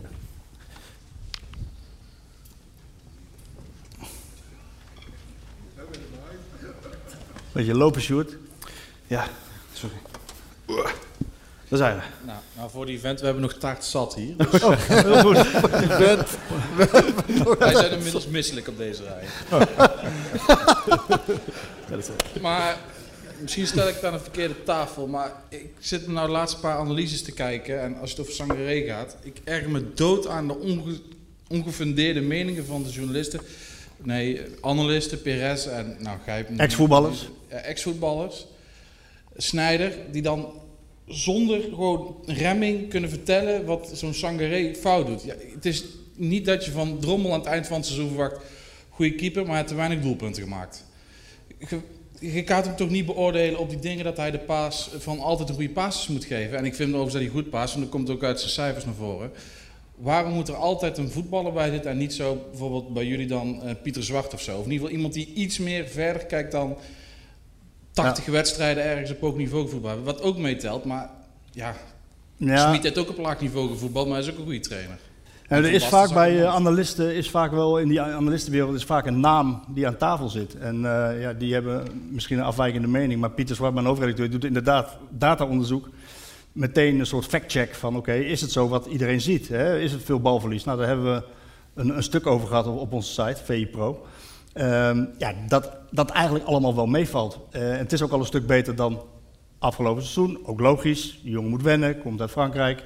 Ja, ik kent de taal niet, moet het nieuwe systeem aanpassen. Heeft geen voetballer naast zich, had Rosario naast zich, twee dezelfde types. Dus het is ook allemaal wennen voor zo'n jongen. Ja, ik, vind hem, ik ben wel een beetje fan van hem. En ik vind het ook wel leuk als je af en toe op avontuur gaat. Al- Alleen hij moet, wel, hij moet de ballen wel wat sneller inleveren. En, en eh, eh, met name naast degene die naast hem staat. Eh, want ja, die heeft, zo'n prupper als prupper naast hem staat, die heeft gewoon een betere trap. Ja, bedankt. Maar dat was niet mijn vraag. Ah, wat is de vraag? nee, het ging me meer over de analisten die dan ongefundeerde meningen kunnen geven. En dan Perez, en dan zit zo'n vinker naast waar ik prima gast vind. En Been, waar ik alleen maar denk van, ja, 10-0. Ehm, Ah. Die doet, doet wel pijn hoor, moet ik zeggen. Oh ja, sorry. Ja. Ja. Ehm, maar dat er dan niet even een gast met iets meer, nou of vrouw weet ik veel, Ja. iets meer diepte, verstand heeft, behalve alleen maar ungefundeerd roepen, Maar dan moet je bij dus ES nergens op slaat. Moet je bij ESPN en Fox en Ziggo zijn. Ja, maar ik herken de ergernis wel. Want ik, wat ik vooral vind is, het, is het, eh, daar hebben we het ook eerder over gehad, het kan af en toe heel zwart-wit worden. En daar vind ik ook fucking irritant. Want dan, denk, dan wordt er inderdaad, dan kan zo'n jongen er ook in één keer helemaal niks van. Dan denk ik, oké, haal er dan beelden bij. Want, en, en, en, en, en ik denk dan, ik zou er dan ook inderdaad iemand naast willen hebben zien zitten die zegt, nou, wacht even. Want hij heeft dit en dit wel goed gedaan. Snap je? Want zo'n Sangaré heeft... jij- je hebt zelf op die plek gespeeld, hè, min of meer. Ja. Hè, waar Sangaré speelt. Ik bedoel, als je ziet tegen Groningen, hij staat altijd op de goede plek. Nou ja, Hij houdt, alleen al door zijn positiespel, houdt hij heel veel dingen tegen. Ja. En dat kun je niet terugvinden in, eh, in statistieken Nee. natuurlijk, of in balverlies. En ik vind dat hij vaak het aandurft ook om de eerste bal Weet je, wat, weet het is bij hem, vind ik? Hij heeft wedstrijden, ik denk, hij heeft wedstrijden die slordig is. En dan Ja. heeft hij te veel balverlies. Maar dat wil niet zeggen dat er iedere wedstrijd, want er is niet iedere wedstrijd. Alleen zo wordt er dan op een gegeven moment over geoordeeld, vind ik. Waarom en ga jij, niet aan, waarom ga jij niet zo'n tafel zitten, Björn? Ja, daar heb ik geen zin in. Ik, dit is, dit En is dat is een beetje zijn vraag. Hè? Iemand zoals jij die aan zo'n tafel zit. Oh man, ik, één keer in de week zo'n podcast vind ik leuk, omdat we het ook over andere dingen kunnen hebben. Je moet er niet aan denken dat je daar gewoon een hele avond zo... Je moet helemaal daarheen rijden. Dan zit je heel die wedstrijd te kijken met mensen die alleen maar over voetbal kunnen lullen. Dan zit je vervolgens de hele avond over voetbal te lullen. Dan moet ik s'avonds ook nog terug. Dan rijd ik jankend terug, denk ik. ik vind het leuk om... Nou, ja, dit, is dan, dit was gepland. En ik vond het heel erg leuk om zo te mogen doen. En, en het is bij mij in de straat. En ik vind het leuk dat je woensdagochtend langskomt. Dat vind ik oprecht gezellig. Vind ik het leuk. Kan ik af en toe mijn eh, Frustratie eh, kwijt. frustraties ook over kwijt. We hebben het over voetbal, maar ook over andere dingen. Maar oh, ik, ik moet er niet aan denken. Als ik, om- Luc, jij? Moet jij Oh. is er iets voor jou? Net Nee, ik Boskamp, jouw, oude trainer? Ja, met Boskamp was een spontaan moment. Omdat hij, dankzij Paul, ik was in de verlenging en ik zag Boskamp en ik had al zitten wuiven, maar hij zag me niet. En toen zei ik, Paul, is er geen mogelijkheid om even naar, tot beneden te gaan? Toen zei hij, ja, kom maar mee, ik heb een pasje. Dus een, en dat was een spontaan moment gewoon. Maar wat voor jou om aan die tafel te zitten dan? Nee, maar ik, ik ben ook iemand die. Ik kijk graag naar voetbal, of ik ga graag naar voetbal kijken, maar, maar ik kan me ook niet focussen om 90 minuten Ja. lang naar voetbal te kijken. Ik, Als ik thuis ben en er is een leuke wedstrijd op tv, gelijk PSV, Benfica, dan, dan, dan kijk ik die ook. Maar moest ik nu toevallig iets anders hebben opstaan, of, of, of er is iets leuks gepland, dan, doe ik dat, dan ga ik niet voor thuis. Dan ga ik niet zeggen, nee, dat ga ik niet vandaag of morgen, want ik wil die of die wedstrijd zien. Dat Ja. zal nooit gebeuren bij mij. Duidelijk. Nee. Nog een vraag jongens, de laatste afsluitende. We hebben hier eentje. Daar eentje, dat bijna Ik heb nog, een- niet helemaal de afsluitende, er zijn nog een paar. Ja. Hier. Ik heb een vraag voor Björn. Ehm, als de coronaregels het toelaten, is er van aan het einde van dit seizoen is er dan weer een eh Skeet Willy eh festivalke. En Ja. kan er dan gezorgd worden dat wij er ook bij zijn? Jullie allemaal, hè? of in ieder geval... Het hele theater. wij. Eh, nou, het leuke is eh, vooral eh, dat we het bij ons thuis doen. En dat Ja, wil ik ook zo houden. En, ehm, maar en ik vind het inderdaad ook leuk, want we hebben dit eh, vorige, afgelopen seizoen gasten gehad die, eh, die we nog niet kenden, die gewoon als luisteraar langs zijn gekomen. En ook op de, bij de podcast, en daar hebben we ook nog lang mee door zitten boren, was heel erg gezellig. Ehm, dus eh, ja, we krijgen jullie niet allemaal bij ons thuis uitgenodigd, maar ik heb wel het plan om te kijken dat we in het loop van het seizoen misschien een keer mensen uitnodigen. Of voor die Skieten podcast, we hopen dan op goed weer. En dan moeten we het in een soort van, nou ik zat te denken, eh, omdat misschien dan iedereen die mijn LP koopt... In ieder geval op de, op de lijst komt met mogelijke bezoekers en dan... Maar hadden, we, hadden we niet, hadden we niet eh, ik heb het met Paul over gehad, maar had- hadden- kunnen we niet een tussenvorm doen? Je houdt lekker je festivaletje in je tuin, met, eh, met de mensen die je wil. En dat we bij Paul in de verlenging een keer een avond doen. Ja, ik kan ook nog. Nee, ik kan ook, maar wat, ik blijf erbij wat ik leuk vind. Is, ik vind het leuk dat het, dat het gewoon bij ons in de achtertuin is. Nee, dat, die dat, podcast dat staat er is los voor van. mij, dat maar jij wil meer van. mensen. Nee, nee, nee, nee. Dit, dat festivaletje in je tuin staat er los van. Dat blijven we gewoon doen. Nee, dat is juist het mooie. Je had, Als ik me niet vergis, ook de eendaags festival. Dat komt veel een kameraad van mij heeft dat overgenomen in Zummerijn. Ben je toen nog komen spelen. Oh ja, ja maar dat, was voor mij, dat- fantastisch. Dat, voor mij duurt drie dagen. Dat was drie dagen, oké. Ja. Ja, hij had Ja. één dag. En toen Ja, was jij, dat drie dagen, eigenlijk vier, want we beginnen stiekem op donderdag. Op donderdag wordt de tap al geleverd, dus dan moet ik even kijken of hij het goed doet. Maar goed, dan ga ik daar in LP komen. Dan komt Dat het is helemaal goed, jongen. Sjoerd, nog een paar denk ik. Hier, nou die meneer. Ja. Go- Goedenavond. Ehm, ontzettend bedankt voor deze avond. Fantastisch. Ik denk dat iedereen er zo over eh, denkt. En Ja. ik hoop dat het eigenlijk volgend jaar wederom plaatsvindt. Want dan Oké. kunnen we A, het kampioenschap vieren en erop terugkomen. En B, denk ik dat we een nog veel spannender transferwindow hebben. Want de trainer loopt uit zijn contract, Guts uit zijn contract, Sahavi uit zijn contract, Gakbo speelt bij Bayern. En maar de weken in de Premier League. En we moeten ook allemaal nieuwe spelers hebben. Dus het wordt heel spannend. Dus we moeten het zeker volgend jaar nog een keer doen. Zie, zie ik je dan weer op trainingskamp? Yes. Oké, goed zo. Deze meneer was bij trainingskamp in Duitsland. Ah, oké. Wist alles. Wist alles. Ja. oké. Maar ik heb een keer uitgenodigd aan tafel, want dan hoef ik niks te zeggen. Hij weet alles. Oké, nee, wel Sjoerd, nog één denk ik. Eén, twee. Hier, hier voorin. Zie daar. Eentje nog. Ja. Hier, ze moeten weer Hier weer voorin. jongen. Kom op. En iets sneller, hè. Kan sneller, hè. Ja, ja, ja. ja, Even, ja, kom ja, op. ja. Hop, hop, hop. Jonge benen. Waar was die ook weer? Laatste. Ja. Gaan we eruit met Oké. muziek, hè? Ja. Hi. Ehm, ja, ik vind het moeilijk te omschrijven wat ik wil vragen, want dat weet ik Oh. niet precies. Maar PSV Galatasaray, we, stonden, we zaten op de tribune en het was een fantastische wedstrijd. Twee Nederlanders op het veld, dat is wat wij zagen. Ehm, ook kijken naar de toekomst, een beetje de, de mensen die hier aan, aan tafel zitten.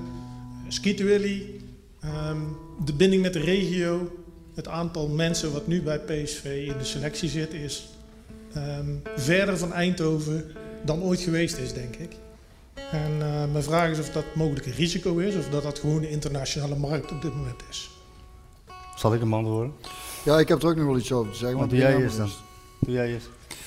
Ik wil eigenlijk liefst terug naar de drie buitenlandenregel. Uh, zoals in de jaren 80 en 90. Maar ik wil sowieso terug dat er internationaal dat het weer een beetje normaal rechtgetrokken kan worden. Onze oudste die kwam toen straks en ik lekker thuis in Snitsel zat te eten, vertelde hij dat eh, Ronaldo het koopje van dit seizoen is. Hm. Hij zegt gratis voor hoeveel hij naar Man United is gegaan. Ik zeg 10 miljoen, 15 miljoen zegt hij. Dan denk ik toch ook wel weer terug koopje hè. Aan de tijd dat Ruud Gullit voor 17 miljoen gulden en iedereen dacht, nou, Dat gaat nooit meer dat gaat nooit meer gebeuren. En, maar je krijgt het ook qua salarissen, dat is het hele moeilijke, eh, eh, omdat het zo scheef is gegroeid. Wat je nationaal ziet gebeuren, bijvoorbeeld bij Bayern München, eh, is ook internationaal aan de hand. Ja, ik ben bang dat je die geest nooit meer terug in de fles krijgt. Maar, maar eh, ik zou, eh, in wezen is alles mogelijk als je zegt we gaan met salarisplafonds werken, Ja, internationaal. En, eh, Toon, Toon Gerbrands heeft volgens mij twee, drie jaar geleden, of misschien iets langer geleden, toen Van Bommel kwam, 2018, toch verklaard van hè, we moeten een zelfregulerend systeem opbouwen met, met doorstroming van mensen uit eigen opleiding. Minstens de helft van het eerste elftal moeten Nederlanders zijn en, en, eh, en ook de helft van de selectie, van de totale selectie. En daar is hij wel een beetje van, eh, Ja, maar- van afgedreven, of niet? Ik denk, ja, maar ik denk dat het een, eh, een soort eh, spagaat zit in wat je wil. Je wil ook dat PSV titels pakt. En dat wil je het liefst met eigen jeugd, ook nog uit Eindhoven. Ja, PSV die heeft nou eenmaal de verplichting om eens in de paar jaar echt die titel te pakken. Eh, wat er nu gebeurt is denk ik best wel uitzonderlijk dat Smit zoveel spelers kan halen. Maar goed, het zijn ook wel spelers die PSV op dit moment nu wel, wel beter maken. Maar wat er gebeurt is dat PSV heeft straks 50 miljoen, dit, hebben ze tot beschikking. Daar gaat een groot deel gaat naar, de, naar de opleiding. De faciliteiten worden er beter. Ze denken aan een stadionnetje op de Hetgang om het af te maken. Er komt een hotel, waardoor eh, eh, talenten eerder aangetrokken kunnen worden en ouders ook kunnen blijven slapen. Eh, Jan Vennegoor gaat zich daar bijvoorbeeld mee bezighouden om die talentenpool van 15 tot 21 om die, eh, om die uit te breiden. Ze gaan meer spelers halen ehm, en wat sneller. Nou, daar hebben ze een potje voor. En dat moet ervoor zorgen dat die, dat die doorstroom, want het is inderdaad een levensader. Hè, jongens als Gakpo, eh, Bergwijn die voor veel geld verkocht wordt, dat dat zo blijft, Depay. Ehm, en dat gaat denk ik wel gebeuren. Het enige wat je nu ziet is dat die lat, die sportieve lat, om in het eerste elftal te komen, best wel hoog ligt. Dat heb je bij Ajax een paar jaar geleden gezien. Hè, toen hadden ze Tadic, toen hadden ze Blind. En dan zag je ook dat talenten, ja, dat, je moet meer. Nou, ik denk dat dat op zich wel goed is. Want uiteindelijk zorg ervoor dat iedereen scherp blijft, dat je meer van je, van je geëist wordt om uiteindelijk te kunnen voldoen aan de PSV, eh, PSV-eisen. En ik denk wel dat er nog steeds heel veel talenten uit die opleiding zullen komen. Of ze allemaal uit Brabant komen, dat weet ik niet. wat denkt jij, Luc? Eh, slap, slap gelul. nee, ik moet eerlijk zeggen, daar straks was ik zelfs aan het denken. Als je vroeger de teams had, nu PSV, dan, dan kon je bijna de 10, 11 namen vlotjes gewoon uitkramen. Ja. Maar nu, nu moet ik al denken, goh, hoe noemt die weer? Hoe noemt die middenvelder? Hoe noemt die weer die? Eh, De Nederlanders, die kan je er zo uithalen met anderen. Maar, maar dit komt ook niet alleen in Nederland voor. Als ik kijk bij Anderlecht, die, al Ja. die namen. Bij Brugge nu, wie die allemaal gehaald hebben. Het is niet Ik bij zou te houden. niet weten van waar het overal komen en die namen. Ja. Ja, dat is niet bij te houden gewoon. Dat is wel, dat is wel ergens zonde. Dat- Dan begrijp ik, like je zegt, Drie. terug naar, of drie is misschien krap nu in deze Vijf. moderne tijd, maar misschien naar vijf, maximum vijf in een selectie. En de rest gewoon Nederlanders. Ja. Maar, maar ja, die lijn doortrekken door heel Europa is... Ik denk dat dat niet meer haalbaar Nee, is. die geest krijgen we niet meer in de fles. hè? Ja, het gaat om te veel geld, dus dat is Luc, eh, hartstikke bedankt dat je hier wilde zijn. graag gedaan, met plezier. Frans, hartstikke bedankt dat je over Willy wilde praten. gedaan. Sjoerd bedankt, publiek bedankt. We gaan er altijd uit met muziek. Björn bedankt. Wat, Ja. heb, je, wat heb je voor ons in petto? Ja, en daarna komt Jan nog een keer, jongens, hè, om de boel echt af te sluiten. Nou ja, dat is ook dus te denken, want het is ook allemaal niet geregisseerd. Ik denk, nou, dan doe ik nog een liedje en dan is dat klaar en dan lopen we misschien even naar voren en dan, en dan komt eh, Jan er nog even bij. Die, die hang- die hangt een keer goed op die toeter. Eh ons El die gaat zo alvast bij het winkeltje staan, kom ik ook naartoe. Voor de, als er mensen toevallig iets eh, willen kopen, dan is het is allemaal mogelijk. Nee, eh, ja, ik weet niet hoe het voor jou was. Ik, ik vond het ontzettend leuk. Het was echt een, een groot vraagteken. Hoe gaat het zijn? Jij vond het volgens mij best spannend. En, en, en daar is het ook allemaal. Ik hoop, we hebben een paar mooie reacties ook gehad. Dat iedereen het, eh, het leuk heeft gevonden. Ehm, ja. ehm, Muziek. En, zo is het dank voor de komst ook. Eh, valt nog even allemaal iets lekkers dadelijk als gelust. En eh, kom veilig thuis. Dankjewel.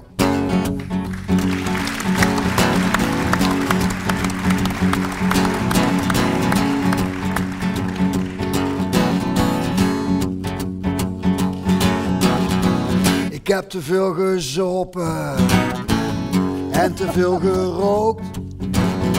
Ik heb te hard geleefd voor iemand die zo bang is voor de dood. Met trillende handen en een hartslag op hol. Vraag ik me steeds vaker af hoe lang hou ik dit nog vol? En met mijn tong mijn schoenen. Maar met de vuist in de lucht.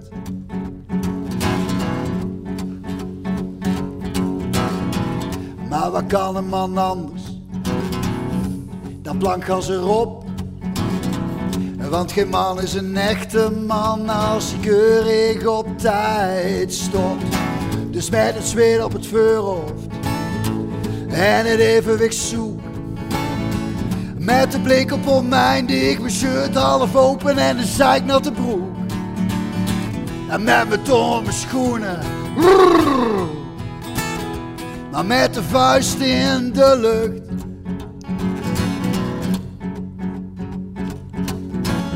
Haha, dit wat kruim gekost, maar dat had ook wat. Onvergetelijke nachten van Kiev tot aan Montevideo, van Punta del Este tot aan Hongkong waar ik de kroeg uit ben geflikkerd. Van Thessaloniki waar ik op vier oog met een stuk in mijn kraag van balkon naar balkon ben geklauterd. Tot in Brugge waar ik in de Ierse pub van de trap af ben gesodemieterd. Door de ambulance ben afgevoerd en mijn acht hechtingen in mijn kop naar huis ben gestuurd. Ik heb gedronken, gefeest, gedanst, gelachen en gehuild. Van Antwerpen tot aan Barcelona. Van Madrid tot aan Mexico City. Van Austin, Texas tot aan New York City. Ik heb meer nachten overgeslagen dan goed is voor een man. Maar heb daardoor wel de zon op zien komen op het strand van Maspalomas. En ik ben in kroegen geweest waarvan ik dacht dat ik ze nooit meer levend zou gaan verlaten. Ik dacht laatst, waar is dat toch? Waarom had op kop moeten koersen, nooit een keer terug laten zakken in dat peloton? En toen, toen dacht ik aan waar ik iemand jaren geleden hoorde zeggen. Iemand die wist dat hij de 40 niet zou gaan halen en diegene zei... Nou weet ik waarom ik altijd zo'n haast heb gehad. Ik heb altijd geweten dat ik niet oud zou worden. En ik weet niet of ik wel of niet oud word. Maar ik weet één ding zeker. Dat het net zich begint te sluiten en dat de dood steeds dichterbij komt. Of zoals tante Gonnie het laatst zei, we staan in het bos waar gekapt wordt. Was het vroeger een oom die een buurman had, die iemand kende die doodging aan de kanker. Nou is die oom zelf, die is uitbehandeld.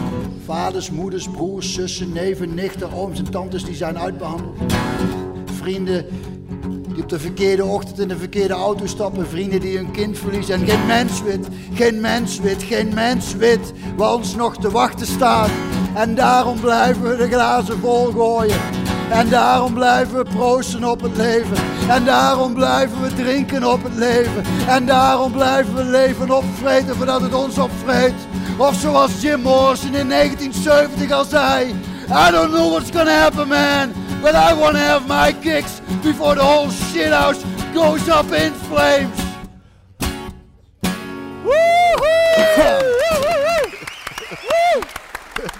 Kom maar, Jan.